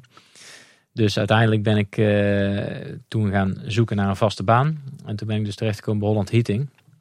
In de luchtbehandeling. Uh, waar ik toen nog helemaal niks van af wist. Maar daar ben ik toen begonnen. En uh, maar ja, die Efteling liet ik natuurlijk niet los. Dus toen was het weer vijf dagen Holland Heating. Maar zaterdag zondag was het natuurlijk Efteling. Ja, gewoon een stuk blijven volhouden. Gewoon volhouden. zeven dagen per week werken. Ja. En waar, waar werkte je toen? Nog op de Piranha? Of? Ja, toen werkte ik inderdaad nog op de Piranha. En de laatste jaren heb ik nog uh, op de Steenbok en de bobsleebaan gewerkt. En daar mocht je dan ook opstarten. Dus daar ook opstartcursus gevolgd. En ja, dat is ook weer eens wat meer afwisseling natuurlijk om daar ook weer eens te staan. En ja, dat wisten dan wel eens af. En zo stond je ook als op de gaan. Dus uiteindelijk heb ik alle opstartcursussen gehad in heel het Anderrijk. Had je een favorietje in het, in het Anderrijk? Dat je zegt van nou dat was echt de leukste plek om te werken? Ja, Gaan is mijn mijn grote favoriet uh, altijd geweest. Dus, uh, dus dat vond ik ook heel mooi dat ik daar kon, kon opstarten. En we hebben ook een tijdje gehad, een twee jaar lang denk ik, dan deed je als opstarter uh, alle attracties in het andere rijk. Dan begonnen we om zes uur s morgens en deed je alle attracties opstarten. Pagoda, of uh, Pagoda, de Spookslot, Piranha, Fata Morgana, Roeivijver, Kanovijver, Bobsleebaan. Daar had je dan van zes tot tien de tijd voor, zeg maar hebben ook een paar twee jaar gehad. En uh, later was het zo dat mensen van de eigen attractie dat gewoon deden. Dan is het dus ook zo dat de attracties al misschien bijna vier uur draaien voordat de eerste bezoekers erin gaan? Nou, dan is het heel even proefdraaien en uh, dan wordt hij gewoon weer uitgezet. Hè? Maar dan is hij wel gewoon uh, bedrijfsklaar, zeg maar. Ja, oké. Okay, ja. okay. En dan deden we als laatste die Piranha, want anders staat dus om half zeven s morgens tot tien naar water al rond te kolken natuurlijk. Kijk, het spookslot, dat, ja, een lamp die brandt is het. Qua energieverbruik. Ja, maar die vier pompen, dat gaat wel hard, ja. Ja, dus dan deed ik Brian altijd als laatste. Dus, maar dat vond ik wel leuk, want dan begon je om zes uur. En uh, ja, dan kon je ook op tijd naar huis, zeg maar. Maar dan had je dus van zes tot tien, ja, was ik alleen maar bezig met technische werkzaamheden. Dat vond ik wel heel leuk natuurlijk. En ook heel verantwoordelijk werk natuurlijk. Ja, ja. Moest elke storing, elk uh, ding wat er gebeurde, moest je opschrijven inderdaad en, uh, en doormelden. Dat betekent denk ik dat je bij de Fata Morgana ook heel vaak in de kelders hebt rondgelopen, in de decors. Uh, eigenlijk toch wel een jongensdroom van ons uh, hier aan deze kant van de tafel. Ja, ik heb zowel bij de technische dienst uh, als naar de rand op de attractie inderdaad eigenlijk alle attracties van achter schermen kunnen, kunnen bekijken. Ja. En ook overal foto's van natuurlijk. en die magie is er nog steeds niet afgegaan? Nee, nee, nee, nee. Die is uh, nog zeker aanwezig. Ja, je weet intussen wel, ja, je weet intussen wel alles inderdaad hoe het, uh, hoe het werkt en uh, hoe het er achter het scherm uitziet. Maar het blijft mooi. Dus, Misschien is het ook wel magisch op zich, toch? Ja, nee, ik vind het wel mooi. Ja, ja. ja. Hoe lang heb je nog bij de Efteling gewerkt in de weekenden? Nou, ik heb gewerkt tot 2008 zo'n beetje. Dus. Dat is nog een jaar of negen dan? Ja, best wel, best wel nog een tijdje inderdaad. En in 2008, toen, ja, toen was de de Efteling liever was er zeker nog wel, maar ik kreeg ook andere interesses. En toen ben ik zelf gestopt. Dus uh, terwijl het eigenlijk nog best te combineren was. Maar ja, goed, ik had er niet meer, niet meer zoveel trek in eigenlijk. En ik heb toen ook een tijdje geen abonnement gehad. En het verzamelen stond op een heel laag pitje. Oh, ja. de, de liefde was over dan. Nou ja, over kan ik niet zeggen. Maar eh, ja, als je geen abonnement hebt, dan eh, dat wil toch heel wat zeggen inderdaad. Maar eh, nee, ja, het was wat, wat op een lager pitje. Dus ik de verzameling nooit, nooit weggedaan of nooit, eh, nooit verkocht of zo. Maar eh, ja, Daar schrik ik toch wel van als ik dan hoor hoe fanatiek jij al die jaren was. Om dan zo abrupt eh, stil te zetten. Ja, nou, het vond ik ook heel moeilijk om toen te stoppen, eh, moet ik eerlijk zeggen. Dat was wel een, eh, een hele grote stap eigenlijk. Had je al überhaupt tijd om naar de Efteling te gaan? Dan zit ik me nu trouwens af te vragen. Ja, ik was ook wel, wel eens een keer een dag vrij. Hè. Dus niet dat ik elke zaterdag, zondag, maar heel af en toe was ik wel eens een dagje vrij. En dan, eh, daar, daar was ik ook vaak natuurlijk. Dus ja, op een gegeven moment dat je jarenlang zeven dagen achter elkaar, dan, eh, dan is het op een gegeven moment wel goed. Dus, maar goed, het, ik, ik snap het dat je denkt van, hé, hey, hoe kan dat dan? Hè? Dus ja, toch is het zo. En hoe ging het toen verder met eh, Willem en de liefde voor de Efteling? Eh, nou, die stond dus even op een laag pitje. Maar nooit, nooit eraan gedacht om dingen te verkopen of weg te doen eigenlijk. Echt nooit. Eh, en toen, eh, nou, toen was het 2017. 2016, 2017 zo'n beetje. En toen had ik alweer een abonnement trouwens. Vanaf 2015 zo'n beetje. Toen kwam ik weer vaker. En in 2017, toen eh, raakte mijn relatie eh, uit. Nou oké, dus ik, kon, ik kon weer veel werken, zeg maar. En eh, toen ben ik een eigen bedrijf gestart in de luchtbehandelingstechniek. Eh, alleen ja, toen met de start van het bedrijf had ik in het begin nog niet zo druk. En, nou, en ik was dus weer vrijgezel. Ik denk ja, en die Efteling, denk ja, eigenlijk is toch wel prachtig om daar weer een keer terug te komen. Nou, er was intussen heel veel wisselingen waren er geweest in personeel. Maar ik had nog wel wat oude bekenden. Die ik eh, dus nou een keer een balletje opgegooid. Nou, het was eigenlijk zo geregeld. En eh, ze kon op gesprek komen in 2017. En ik, eh, ik kon begonnen, beginnen bij de Smulpaap. En ja, hm, ja, niet direct mijn eerste voorkeur, maar op de attractie was geen ruimte. Want ik had wel gevraagd, ja, kan ik niet naar die Piranha? Dat, heb ik toch jarenlang gestaan. Maar nee, dat ging niet bij de Smulpaap. Oké. Nou, ik kreeg een vier uur contract. Dus toen was het echt niet zo dat je de zaterdag en zondag, en dat was, dat was niet meer. Hè. Dus vier uur in de week, dus één dag. Eh, naast mijn eigen bedrijf. En eh, nou, zo gezegd, zo gedaan. En toen hoorde een personeelslid van de Piranha, die hoorde dat ik terugkwam. En ja, ik kom toch wel terug bij de Piranha? Nee, ik ga naar de Smulpaap. Naar de Smulpaap? Dat denk ik toch niet. Wacht maar, zegt hij. Nou, en eh, een dag of drie, vier later word ik gebeld door de leidinggevende. Ja, vind je het goed als je naar die Piranha gaat in plaats van naar de Smulpaap? Ik ja, nou, dat is helemaal prima. Dus begon ik eigenlijk mijn eerste werkdag gelijk weer op de Piranha. Met nog een paar oud-collega's die er toen ook al eh, zaten. Ja. En intussen ook een hoop wisselingen, dat ook natuurlijk. Maar eh, Dat is toch een jaar, ja, is tien jaar later. ja, tien jaar later en eh was toch wel wat veranderd. Dus heel het, het, ja, die, die, we hebben het straks over hadden, die, dat draaien van die boten, dat ging automatisch bij de, bij de Piranha. Er waren ook intussen andere boten. Heel het bedieningspaneel met camera's en zo was compleet veranderd, helemaal vernieuwd. Qua veiligheid tien keer beter, opstarten beter. ja, alles een, een stuk strakker dan, dan vroeger, zeg maar. Ja, dat is wel mooi, want je hebt dan eigenlijk twee momentopnames gehad. Tien jaar ertussen, dan zie je in één keer hoeveel professionele de organisatie eigenlijk Ja. is geworden. Ja, inderdaad. Maar wil je dus inderdaad meegaan, denk ik, met eh, de top op attractiegebied, ja, dan moet het, moet het wel. En dan kan het niet meer zo familiair zijn, net als vroeger. Dat gaat niet meer. Hoe hoe was het voor jou om na, na tien jaar tussenpauze weer te beginnen bij de Efteling? Ja, ik voelde me weer als een vis in het water. Ik, eh, ik vond het geweldig natuurlijk. Ja. Je was niet te vaak een vis in het water, hoop ik. Nee, nee. Nou, gelukkig, gelukkig. nee, maar dat vond ik wel geweldig. Ja, zeker. En dat heb je toen eigenlijk eh, gedaan naast je eigen groothandel in, eh, in luchtbehandelingsonderdelen. Ja, klopt. Dus ik had een vier uur contract. Dat deed ik dus zaterdag of zondag werken. En omdat ik het nog niet zo druk had, deed ik soms ook door de week eh, nog een extra dag. eh, woensdag of donderdag, net wat uitkwam. Maar dat is maar heel even geweest, want al redelijk snel kreeg ik het steeds drukker. En eh, toen bleef het dus alleen maar het weekend. Ik zit hier naar die, die jaartallen te kijken, maar wij zijn natuurlijk eind 2017 begonnen. Heb je ons een keer in die tijd ontdekt? Nee. nee. Niet? Nee. Oh, Nee. ik denk misschien zijn wij een, een soort van vlammetje geweest om toch weer het werken daar op te pakken. Nee, ik zit daar na te denken. Gewoon, kijk, bij Kleine Boodschap. Ik denk via via of via een andere Efteling fan of zo. Denk Ah, ik. oké, oké, Eh, ik weet het eigenlijk niet. Misschien op Facebook. Ik heb geen idee. Nee, misschien zijn wij een vlammetje geweest, maar daar, daar, Nee, nee, nee, nee. daar kunnen wij ons dan weer niet op de schade kloppen, Tim. Helaas. Maar inmiddels werk je niet meer bij de Efteling eh, naast je eigen bedrijf. Hoe, hoe komt dat zo? Nou, eh, buiten het feit dat het bedrijf eh, elk jaar beter gaat, dus dat ik het daar heel erg druk mee heb, eh, is mijn dochter geboren vorig jaar, begin mei. En uh, ja, ik denk nou wordt het al heel veel. Dus uh, ja. ja. en een uurtje of 60 jaar eigen bedrijf. En dan Efteling en ook nog een dochter. En dan ja, ook een vriendin die ook wel eens wil zien natuurlijk. Dat uh, wordt wel lastig. Ik denk ja, dan moet ik keuzes maken. En je moet die dochter ook wel eens meenemen naar de Efteling natuurlijk. Ook dat. Dus, dus ja, die keuze was dat ik ben ik trouwens 1 mei gestopt. 3 mei is ze geboren. Dus ik heb echt op het laatste moment volgehouden. dus ja, 1 mei gestopt. En sindsdien gelijk een abonnement gepakt. En, en mijn vriendin ook. En nou ben ik nog wekelijks, of ja, niet wekelijks, denk drie keer per maand in de Efteling te vinden. Uh, op mijn papadag. Of in het weekend. En dan, uh, ja, dan lopen we nog even een rondje. Dus, uh, je zit aan deze kant van de tafel twee man heftig ja te schudden. Zo, zo ja, precies. wederom veel, veel herkenning. Hoe is dat nou om na al die jaren als, als medewerker dan nu in de Efteling rond te lopen? Gewoon als, als abonnementhouder en, en papa? Nou, het meest aparte vind ik dat, want dan ben je dus een, een anderhalf jaar weg. Uh, als je ziet, uh, de mensen die er nu werken, nou, je herkent nog maar een handjevol, handjevol herken je nog. Er is weer zoveel wisselingen geweest, dat, is, dat is ongelooflijk. Dat vind ik het meest uh, bijzonder eigenlijk. Je hebt een, een, oude garde, die zit er nog wel, maar, maar zoveel wisselingen in vakantiekrachten en, en tijdelijke medewerkers. Ooit nog eens terug bij de Efteling? Ja, dat is wel de wens eigenlijk. Ja. Toch wel. Ja, stel dat het nou heel goed gaat met het bedrijf en uh, ik heb eventueel wat mensen in dienst. En uh, ja, stel dat ik dan wel één of twee dagen iets uh, kan doen met die Efteling, is toch wel mooi. Dus die wens is er zeker wel. Dus wie weet kom ik een derde keer terug. en misschien moeten ze nog wel een paar luchtbehandelingssystemen vervangen. Kunnen ze ook bij jou aankloppen. Dat kan zeker, ja.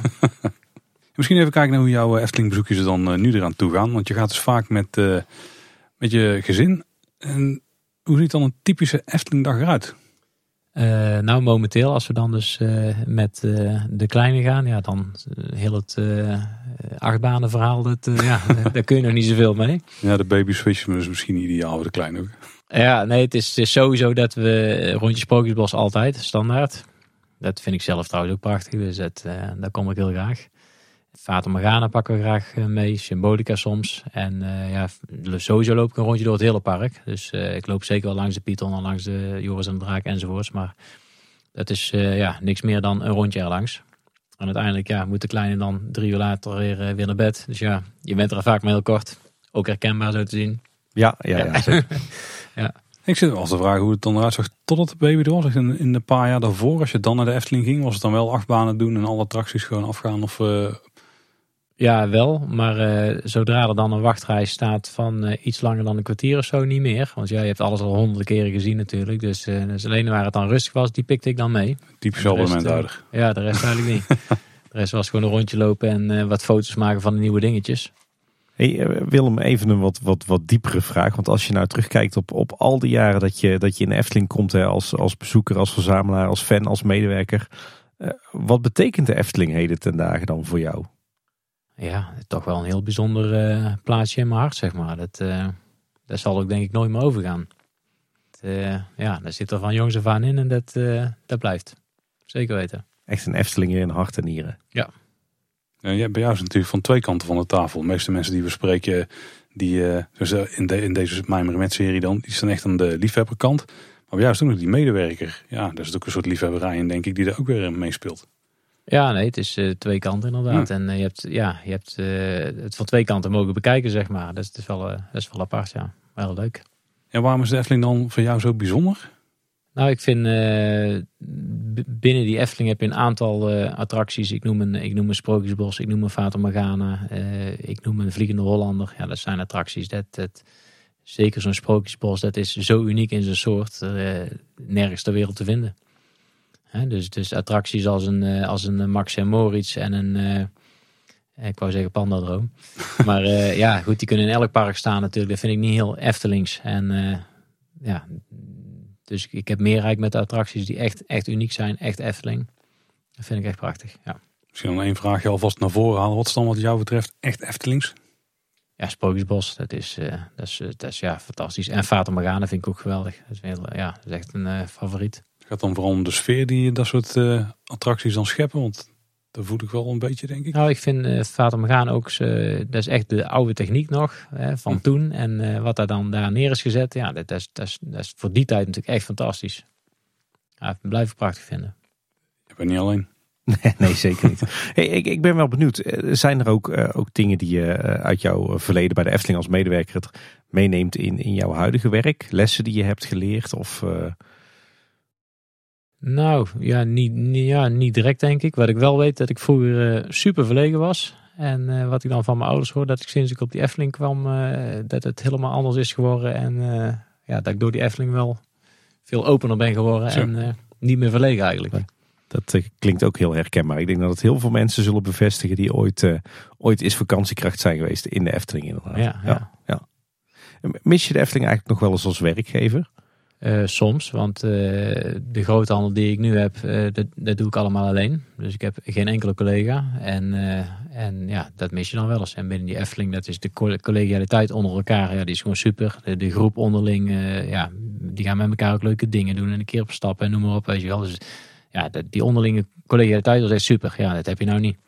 Nou doe je alles alleen, dus uh, dat is wel even anders. Maar ja, staat tegenover dat je nu wel een gezin hebt. En als je je eigen bedrijf hebt, dan is het ook weer een klein beetje de mensen die je om je heen hebt als je aan het werk bent, toch? Of niet? Ja, dat klopt. Want ik heb kantoor aan huis, dus ook alles loopt door elkaar heen, zeg ja, maar ja, soms. Ja. En, en dan ook nog een pappendag, terwijl ook klanten bellen enzovoort. Dus ja, alles gaat door elkaar soms. Een beetje diffuus om het heel mooi uit te drukken. Ja, inderdaad. Ja.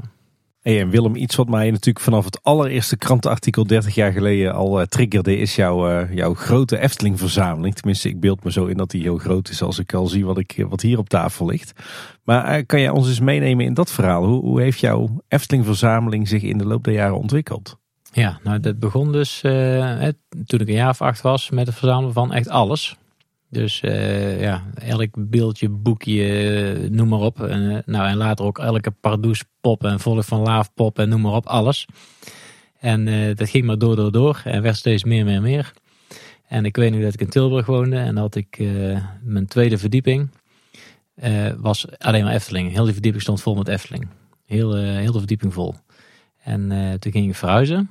Dat is in 2005, 2006 een beetje geweest. Dus met verhuisdozen aan de gang. En toen denk ik van ja, dit wordt te gek. Ik had, ik denk drie keer zoveel Efteling dozen dan andere spullen. Oh. denk ja, dit wordt echt wel uh, iets te extreem. Plus ik vind de souvenirs die daar allemaal uh, tegenwoordig zijn, ja, die zijn vaak of niet Eftelings meer of ja, Pardoes had ik ook niet zo heel veel mee. Dus, dus ik heb toen de beslissing genomen van nou weet je wat, ik, uh, de oude dingen die verzamel ik nog. Uh, wat ik heb, hou ik natuurlijk. En wat ik nog tegenkom, uh, probeer ik aan te komen. Maar al het nieuwere spul, en dan heb ik eigenlijk een grens getrokken zo'n beetje bij Pardoes. Dus Pardoes en later, dat doe ik allemaal weg. Dus toen ben ik heel veel gaan verkopen op, uh, op Eftelingbeurzen, via Marktplaats. ja, en ik heb nog steeds heel veel, maar ja, heel veel ook al verkocht. En een paar dingen blijf ik nog wel verzamelen. Het zijn alle ansichtkaarten, alle posters, alle lepeltjes, alle boekjes en alle parkplattegronden, zeg maar. Dus alle parkfolders. En, en, hoe ziet jouw verzameling er heden ten dagen uit dan? Dat zijn, uh, ik denk een, qua beeldjes, dus ik heb ook niet al die intratuinbeeldjes en volk van laaf beelden allemaal niet meer. Dat is echt alleen de oudere beeldjes. En van de oude beeldjes heb ik het over de Fakir en, uh, en Langnek en van die wandbordjes en kleine boodschappen zo. Daar heb ik denk ik, ja, ik denk een, een 300 beeldjes een beetje. Zo. Alles bij elkaar. Ik heb er wat fotootjes van gemaakt. Want als ik dan ergens ben en ik weet niet wat ik heb, dan kan ik op die fotootjes kijken wat ik heb. En qua lepeltjes ook. Ik denk dat ik een kleine 100 lepeltjes heb, denk ik. Ja, en verder allerlei uh, buttons en oude stickers en uh, ja, puzzels en noem maar op. Dus echt, echt alleen de oude spullen. En, maar dan blijkt dat er ook wel heel veel van is eigenlijk. Dan kom ik als de naïeve niet-verzamelaar. Uh, zijn lepeltjes ook een ding? Want ik weet van de pins en ik weet van eh, de parken, plattegronden, et cetera. Maar lepels zijn ook echt een ding. Nou, er, zit, er zijn heel veel oude lepeltjes uh, van vroeger. En, uh, maar ja, ik doe alle lepeltjes nog, dus ook van nu. Maar lepeltjes komen er bijna niet meer uit, nieuwe lepeltjes. Niet meer zoveel. Dus, uh... Af en toe in de winterefteling de laatste tijd. Hè? Ja. Maar er waren gewoon echt individuele um, souvenirartikelen of zo. Ja, ja dus, dus, dus qua lepeltjes heb ik bijvoorbeeld een kleine boodschaplepeltje in, in tien verschillende uitvoeringen. Maar wel allemaal uit de jaren 60, 70 of zo. Hm. Dus maar pins doe ik bijvoorbeeld niet, want ja, daar vind ik dan weer ja, niet echt Efteling. En Pardoes, ja, ook niet echt Efteling. En nou heb je natuurlijk ook heel veel souvenirs in de winkeltje liggen waar, ja, daar staat gewoon Made in, China op. Er staat niet eens Efteling meer op. Ja, dat ga ik allemaal niet, uh, nee. Plus het verandert ook heel veel, het assortiment. Dus het is onmogelijk om het allemaal eh, te kopen en bij te houden. Kost godsvermogen. En, en hoe bewaar jij het? Eh, ik heb grote archiefkasten staan die eh, afsluitbaar zijn. Dus als er mensen bij mij of bij ons komen op visite en die krijgen bijvoorbeeld een rondleiding door het huis, ziet eigenlijk niemand dat ik van de Efteling spaar. Oh. Het zit allemaal achter archiefkasten en eh, met de deurtjes dicht. Het is niet dat ik er niet trots op ben of zo, of niet wil laten zien, maar ja, vaak doet je omgeving er toch lacherig over of die vinden daar wat van. Dus ik denk, nou weet je wel, ik zet de achterkasten neer, deurtjes dicht, klaar. Ook prima, En ook een beetje beschermd. dat sowieso. Kan je ons eens meenemen, wat zijn nou wat, wat topstukken in jouw eh, Efteling verzameling? Oh, ja.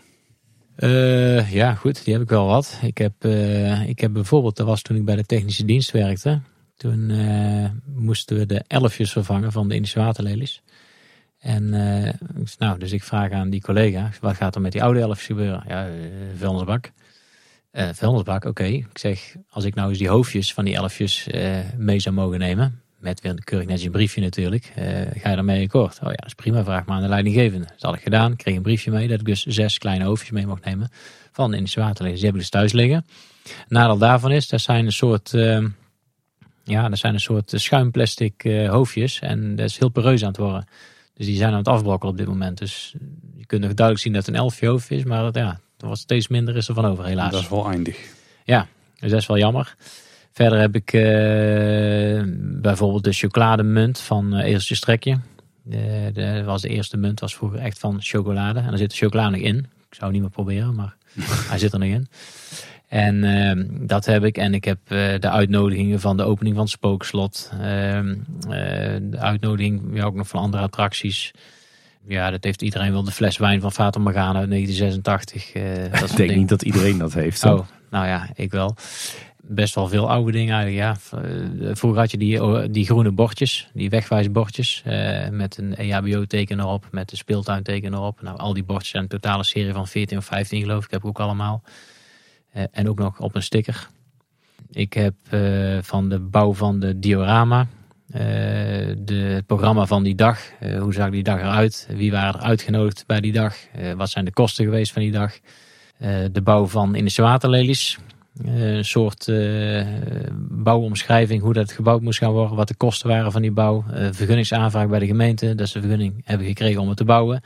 Ja, dat zijn dingen die, eh, die kom je gewoon nergens meer tegen. Dus dat is wel helemaal super om dat te hebben. Ja. En, en hoe kwam en, en hoe kom je aan al die items? Nou, gedeeltelijk heb ik dat van mensen die vroeger op de Efteling hebben gewerkt en er helaas niet meer zijn. Maar die wel een behoorlijke verzameling hadden en ja, via via mee in contact genomen met de familie, in contact gekomen en eh, iets over kunnen nemen. Eh, en ik heb ook al het een en ander eh, dus bij het spookslot daar destijds kunnen krijgen, zeg maar. En heb je nou nog bepaalde objecten erin zitten die een bijzonder verhaal erachter hebben zitten? Misschien door de manier waarop je ze aan je verzameling hebt kunnen toevoegen? Of... Nou, ik vind het meest bijzonder eigenlijk dat ik dus tig beeldjes heb. Die tegenwoordig allemaal voor honderden euro's worden verkocht. En die heb ik daar heb ik gewoon allemaal staan. En ja, zelf allemaal voor een gulden gekocht. Dus dat vind ik al prachtig eigenlijk. Als ik erover nadenk, dan, dan zie ik op Marktplaats iets voorbij komen voor een paar honderd gulden. Denk ik, ja, of euro. Dan denk ik, oké, heb ik toen voor 50 cent gekocht. Want toen, die ging toen op de rommelmarkten gewoon echt voor bijna niks. Ja, en ik liep daar als, als jong manneke rond. Dus er was, oh, eh, voor jou manneke 50 cent. Nou, kon ik meenemen. Dus eh, zo ging dat, ja. Twee kwartjes. Ja, inderdaad. Ja. Dat weet heel veel luisteraars niet eens met Tim dat er ooit kwartjes waren. Nee, nee, nee, maar als we het hebben over het Noorderpark en het Zuiderpark, dan kun je het over kwartjes en dubbeltjes hebben. Ja, dan mag je ze. Je bent denk ik ook heel vaak op eh Antropiek en Efteling verzamelbeurzen geweest. Misschien ook wel nog steeds. Ik denk vroeger vooral om dingen te kopen, maar nu ook om dingen te verkopen, toch? Nou, ik heb er eigenlijk nooit. eh ik ben één keer geweest als bezoeker om dingen te kopen, inderdaad. Maar eh, ja, ook daar zijn de prijzen tegenwoordig wel eh, sky high. Hè? En eh, dus meestal de laatste jaren sta ik eigenlijk alleen maar om te verkopen. En eh, dat, ja, hoe vaak heb ik nou op zo'n beurs gestaan? Ik denk al een keer of 15, 16. Dus altijd in de Pelgrim sowieso, daar sta ik altijd. En eh, nou de laatste keer met de zintuigen ook. En binnenkort, 29 oktober, sta ik er ook weer. Dus eh, ja, dat is ook leuk. Dan zie je ook iedereen weer, alle verzamelaars weer. En ja, het is ook weer gezellig samen zijn met mensen. Dus ja. En jij verkoopt alleen dingen die je dubbel hebt of die je niet meer in je verzameling wil hebben. Ja, inderdaad, dubbele spullen. En eigenlijk de spullen zeg maar na Pardoes. Die, eh, daar neem ik allemaal afscheid van, ja. ja. Met pijn in het hart? Of, eh, Nee, kan ik niet zeggen. Nee, nee. Daar heb ik, eh, nee. als het echt pijn in het hart is, dan zit het gewoon in de verzameling en gaat het niet weg. Dus, Ja, precies. En heb je dan ook wel eens dat je, als je dan toch op zo'n beurs staat om te verkopen, dat je dan ergens op een kraam echt een pareltje ziet liggen en denkt, oh, die moet ik gewoon nog even hebben? Ja, vaak genoeg. Vaak genoeg zie ik dingen voorbij komen. Ook, ook bepaalde beeldjes die ik bijvoorbeeld zelf niet heb. Maar ja, ik, ik, ik ga geen 500, 600 euro voor een beeldje betalen. Dat vind ik echt te gek. Dat is echt, eh, nee, begin ik niet aan. Moet wel leuk blijven. Dus van de pins, heb je websites van en die, ja, die hebben gewoon lijsten met alle pins die beschikbaar zijn rondom de Efteling. Maar van die beeldjes en zo heb je niet dat soort indexen, zeg maar. Nee, dat klopt. Er wordt al heel lang gesproken. Eh tig jaar terug al werd er eens gezegd van ja, er moet eigenlijk een soort van catalogus komen van wat is er allemaal uitgekomen, weet je wel. Maar ja, eh, punt 1, wie begint eraan? En punt 1, punt 2, die krijg je natuurlijk nooit compleet, want het is zo breed en zoveel. Er zijn natuurlijk wel verschillende websites waar heel veel op staat. Eh, en daar kun je wel het een en ander van afhalen. Maar ja, het is, het is nooit compleet. Er, blijven, er zouden maar dingen boven water blijven komen als iemand daar aan zou beginnen. Ja, ja ik, heb, ik ben bijvoorbeeld bij iemand op visite geweest. Helaas eh, leeft zij niet meer. Maar eh, toen dacht ik dat ik alles wel een beetje wist. Welke beeldjes er allemaal waren. En eh, toen kwam ik bij haar thuis. En had ze daar een vitrinekast. En die stond vol met beeldjes nou, die ik er nooit had gezien. Ik denk nou, hoe dan? Tientallen of misschien nog wel meer. Nou, een, een, een 20, 30 tal beeldjes inderdaad die ik er nooit had gezien. Denk oké, ja. Dus er is nog zoveel meer wat, Ja. ik, wat onbekend is. Hey Willem, we hebben nog een aantal vragen die we jou willen voorleggen. De mijmeren met klassiekers, om het zo maar te noemen. We hebben je eerder in de aflevering al gevraagd naar jouw eh, eerste Efteling herinnering. Maar wat is nou jouw mooiste Efteling herinnering? Ik denk dat het mooiste is toch wel. eh, ik heb hele goede herinneringen aan de zomeravonden, zoals die vroeger waren. Dus echt eh, de, de, de vier, vier waren het toch geloof ik toen in het begin. Vier zomeravonden, waar dus echt de grote artiesten kwamen. Dat was zo'n mooie sfeer, zo'n leuke sfeer. En met vuurwerk naar de rand. En ja, dat vond ik echt fantastische avonden. Maar dan heb je het echt over de zomeravonden van begin jaren negentig. eh, Ja, denk ja, ik. die heb ik het over inderdaad. Ja. ja, er waren er echt maar vier. En met vuurwerk, met artiesten. En eh, ja, dat was geweldig. En dan, wa- dan was je, ja, die film die hield op rond 12 uur. En dan vond ik het prachtig om dan eh, dat park dicht moest, weet je wel. Dat te veel bezoekers waren. Nou, en dan was het eh, stampen en eh, ja, echt eh, hard werken om alles eh, voor elkaar te krijgen. En dan na de rand ook, dan was om 12 uur was het park dicht. En dan stonden wij op te ruimen tot half drie, drie uur of zo. Want het was zo één grote puinhoop natuurlijk. En ja, dat, dat kan ik me nog goed herinneren hoe dat, eh, die sfeer onderling was. En dat, ja, dat was erg mooi. Altijd mooi, ja. Iets waar we het niet echt over hebben gehad, maar waar ik wel heel benieuwd naar ben. Heb je ook eh, favoriete muziek uit Efteling? Ehm, nou, ik vond eigenlijk de muziek die wij vroeger bij de Piranha hadden. Dus eh, niet de eh, huidige muziek, niet de parkmuziek van de Piranha. Maar die we daarvoor hadden van de Gypsy King en zo. Ja, het is helemaal geen Efteling. Maar die vond ik eigenlijk wel heel leuk. Dat vond ik altijd wel gezellig. En de bezoekers die deden ook goed ermee. Stonden daarmee te dansen en te doen. Dus eh, dat vond ik altijd wel gezellig. Heb jij dan ook nog wel eens dat als je, als je een van die nummers op de radio hoort, of laat ik eens modern doen op Spotify, dat je dan toch in gedachten weer terug bent op de draaischijf van de Piranha? Zeker weten. Ja, Ja, ja. ja. Ja. dat krijg je trouwens ook als je daar bij zo'n carnavalfestival staat. En dan krijg je van iedereen te horen, hey, die muziek eh, de hele dag in je hoofd zit. Je kunt zeker s'avonds niet slapen van die muziek. Maar dat valt eigenlijk reuze mee. Hoor. Ook al zit je heel de dag daarin. Dat, eh, maar die vraag krijg je elke dag als je daar werkt. Zeker als je bij een carnaval festival staat. Lijkt. Ja. ja, word je niet gek van die muziek? Elke dag komt die vraag, een aantal keer. Ja. Dan heb je natuurlijk een hoop dingen binnen de Efteling van heel dichtbij gezien. Je weet van een hoop mechaniekjes ook hoe ze werken. Dus ik ben dan ook heel benieuwd naar jouw favoriete detail uit de Efteling. Ja, daar heb ik eens over naast te denken. Maar dat vind ik een heel lastige. En eh, ik eh, kan er geen antwoord op geven. ik weet het niet, nee. Nee, ik vind, ik vind het, het mooie vind ik als ik een Fata Morgana inga of een droomvlucht inga, dat ik nog steeds, terwijl ik al honderden keer in ben geweest, nog steeds wel dingen tegenkom. Dan denk ik, hey, dat heb ik nog nooit gezien of dat heb ik nog nooit gezien. En eh, ja, nog steeds. de verbazing van de dingen die, die toch weer iedere keer nieuw naar boven komen. Ja, en dan denk je van, hey, is dat pas aan bijgeplaatst? Dat gebeurt ook wel eens, maar vaak is het er gewoon al jaren en heb ik het toch nog nooit gezien. Dus dat vind ik dan wel apart. Mooi is dat, ja.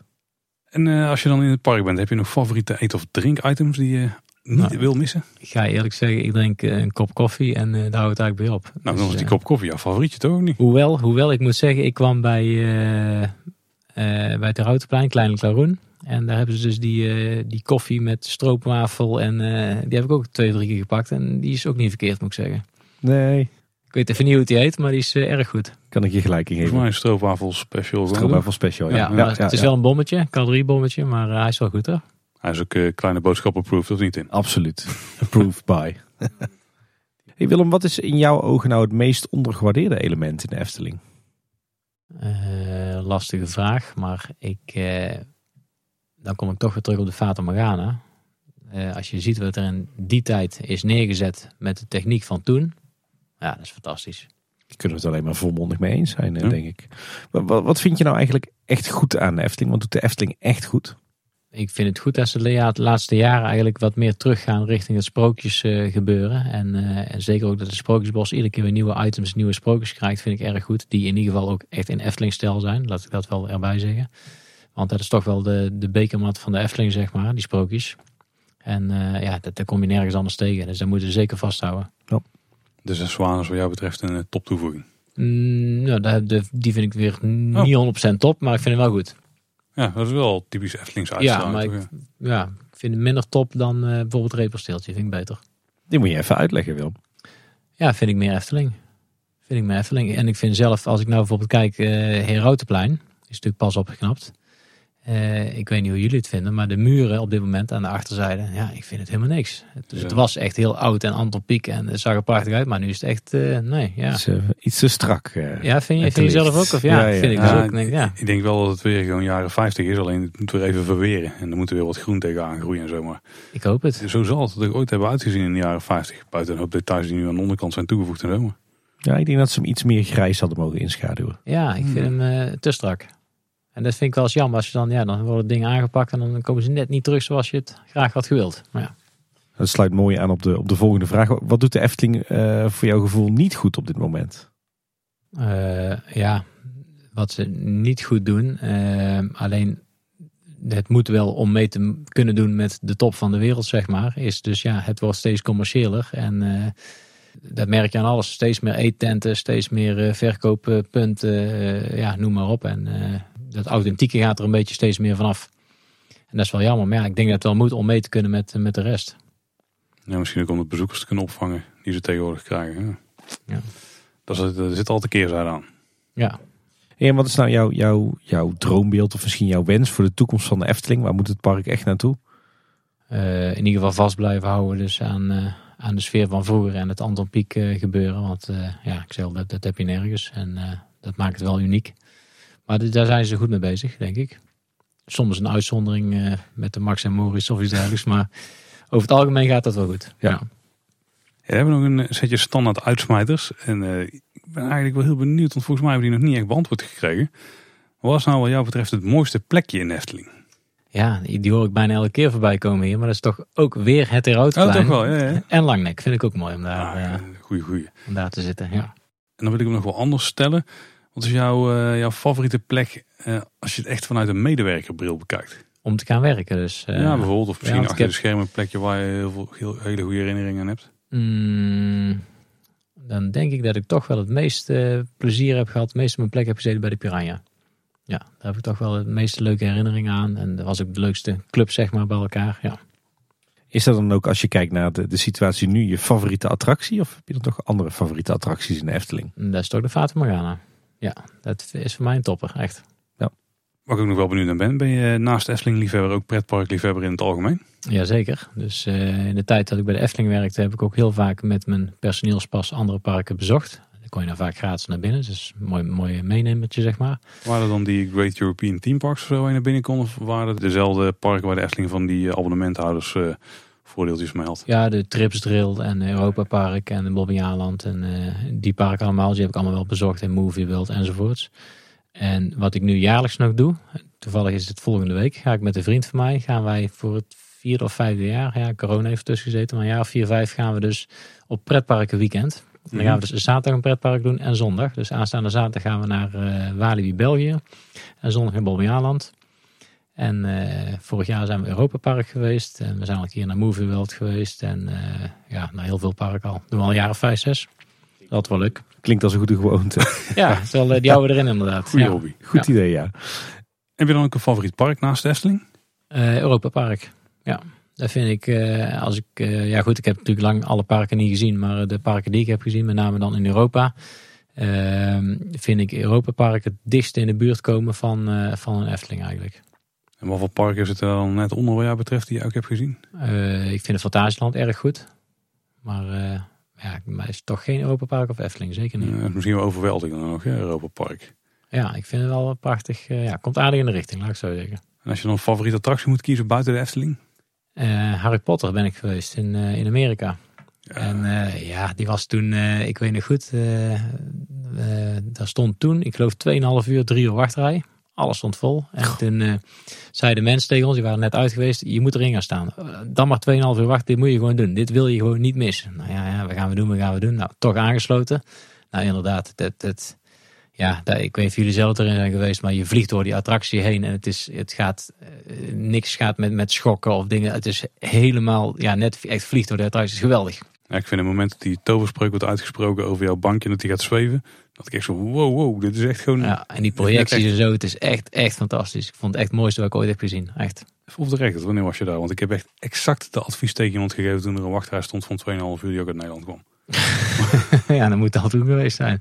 Nee, wanneer ben ik daar geweest? Poeh, dat is, eh, 2014 of 15? ja, zoiets. 14. Ik denk dat, dat wij Midden- zijn geweest, denk Midden ik. in de zomer. Ja, nee, ja, dat klopt. In augustus of zo. Ja, dat weet ik niet precies, maar dat kan wel een jaar of tien geleden ja. Zou zomaar kunnen? Ja, nou, ik jou zie, Paul, ik denk dat jij het was, ja. Ja, dat zou zomaar kunnen. Nou, ik weet het niet. Ik weet het Dat niet. zou even toeval zijn. Ja. Nee, ik Ja. weet dat wij daar toen uitkwamen. En toen, want de hele dag was die attractie lag eruit. En we iedere keer, ieder uur liepen we gewoon even door het themagebied heen. Kijken van is het ding nou open. En toen was hij open. En toen stond er meteen een wachtrij. Ja, dat Vet klopt. Dat was allemaal storingen inderdaad, s morgens. En toen stond er 2,5. Ik ga hem dadelijk eventjes zoeken wanneer Nee, ik dan er moet was. je, ik heb foto's van die dag. Dus ik, weet- ik weet precies wanneer het is. dat zou Ga ik zijn. even kijken daar. Dat zou wel zijn. Ja, dat Ja. zou wel zijn. Ja. Maar de Efteling is wel nog steeds je ultieme nummer 1. Of eh, Ja, natuurlijk. je echte liefde. Dat, dat, dat blijft, hè. Ja, zeker weten. Mooi. En dan weer eh, de, de ego-trip vraag, Tim. Luister je naar Kleine Boodschap? Ja, ja, ik luister niet alle afleveringen, zeker eerlijk. Eh, Niemand is daar te verplicht toe. Überhaupt niet om te Nee, het luisteren is, trouwens. eh, nee, het is vaak als ik eh, onderweg ben naar een klant. eh, ik moet ja, trouwens, dan moet ik vaak wel, eh, dan moet ik wel twee uur uittrekken voor meestal voor welke uitzending. Hè? Maar eh, als ik dan lang moet rijden, dan zet ik er eentje aan. En op de terugvaart nog een, weg nog eentje. En dan pak ik meestal de interviews. Die vind ik het, eh, het leukste om te horen. En, en heb jij als Efteling-liefhebber van het eerste uur eh, nog tips voor ons? Eh, ik vind de uitzendingen met waar dus mensen worden geïnterviewd, of oud-medewerkers of verzamelaars of wat dan ook, in ieder geval interviews met mensen, vind ik het leukst om naar te luisteren. Dus die mogen er voor mij apart eh, meer in. Nou, dit is er weer eentje. Ja, heel goed. Ja, we zaten net door een livestream te kijken van uh, genodigden van uh, de spookslot-opening. De Ja, diorama-opening. diorama, ja. Misschien door, door, door die livestream uh, achter kijken of wel uh, oude mensen kunnen opsnorren. Tenminste, inmiddels oudere mensen kunnen opsnorren die daarbij aanwezig waren. Ja, precies. Er zitten aardig wat, uh, wat kansen Ja. tussen, ja. ja. Ja, Willem, we zijn er doorheen. Oké. Okay. Alle vragen gesteld uit het draaiboek. En uh, ik vind het echt een heel tof inkijkje in uh, ook weer het Efteling liefhebberschap van vroeger. Maar ook zeker die combinatie die je hebt met een Efteling liefhebber zijn. En gewoon heel veel werkervaring uit het park uh, meenemen. Plus echt heel veel toffe items uit jouw zaal niet hebt meegenomen trouwens. Dat is maar een deel, een deel hoor. Dus alles gaat niet. Er zitten echt wel unieke foto's en zo bij een, een document. Heel vet. En een uh, fantastische terugblik naar uh, de roerige jaren negentig hè? Ja, ja, ja, zeker. In ieder geval bij, bij mij de Efteling uh, liefhebberij ontstond. Ik, ik zit te denken, ik denk dat ik net dan weer een generatie later ben dan jij. Ja, dat, dat, dat denk ik wel, ja. ja. Ja, ja, ja, veel herkenning in ieder geval in dit interview. En Willem, als mensen jou online nog ergens willen volgen, waar kunnen ze dan het beste terecht? Uh, kunnen mij ja, volgen. Ik, ze kunnen mij zien op LinkedIn. Kunnen ze mij uh, terugvinden. En uh, mijn bedrijf heet Lucht en Ventilatie. Dus als je dat intikt, dan, dan vind je me ook altijd terug. En ik had al zitten kijken voor wat ventilatie voor in een kleine boodschapstudio. Maar het is niet, je levert niet aan particulieren. Dat is goed om te weten, denk ik. Ja, ik maak een uitzondering deze oh, okay, keer. Oké, oké. Maar als een van onze luisteraars dan toch een bedrijf heeft en die zegt... ik heb echt nog een onderdeel van een luchtbehandelingskast nodig. Dan, dan moeten ze dan zijn? mogen ze altijd bellen, ja. En als ze dan toch langs Waalweg gaan, kunnen ze meteen even naar uh, Kaatsheuvel doorrijden, toch? Juist. Oh, wat je zit trouwens in Kaatsheuvel met... Uh... Magazijn zit in Kaatsheuvel. Oh, ja, sorry. Ja, zijn ze op ja, de goede plek. Ja. uh, ja, het linkje naar jouw LinkedIn profiel zo in de show notes plaatsen voor iedereen die wil kijken. Maar ja, op je naam zoeken dan. Komt ook helemaal goed.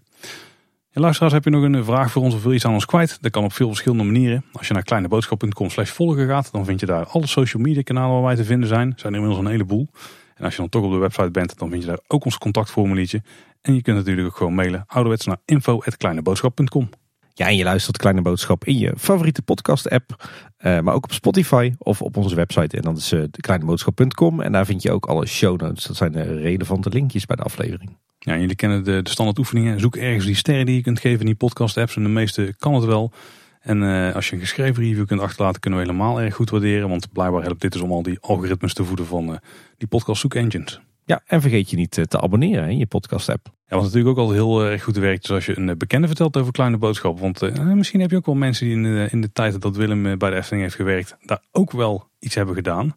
Dan kunnen ze nog wel herinneringen ophalen door naar deze aflevering te luisteren. Ja, we weten inmiddels dat Willem ons ook op die manier heeft gevonden. Dus Ja, zo werkt het toch het, eh, het beste.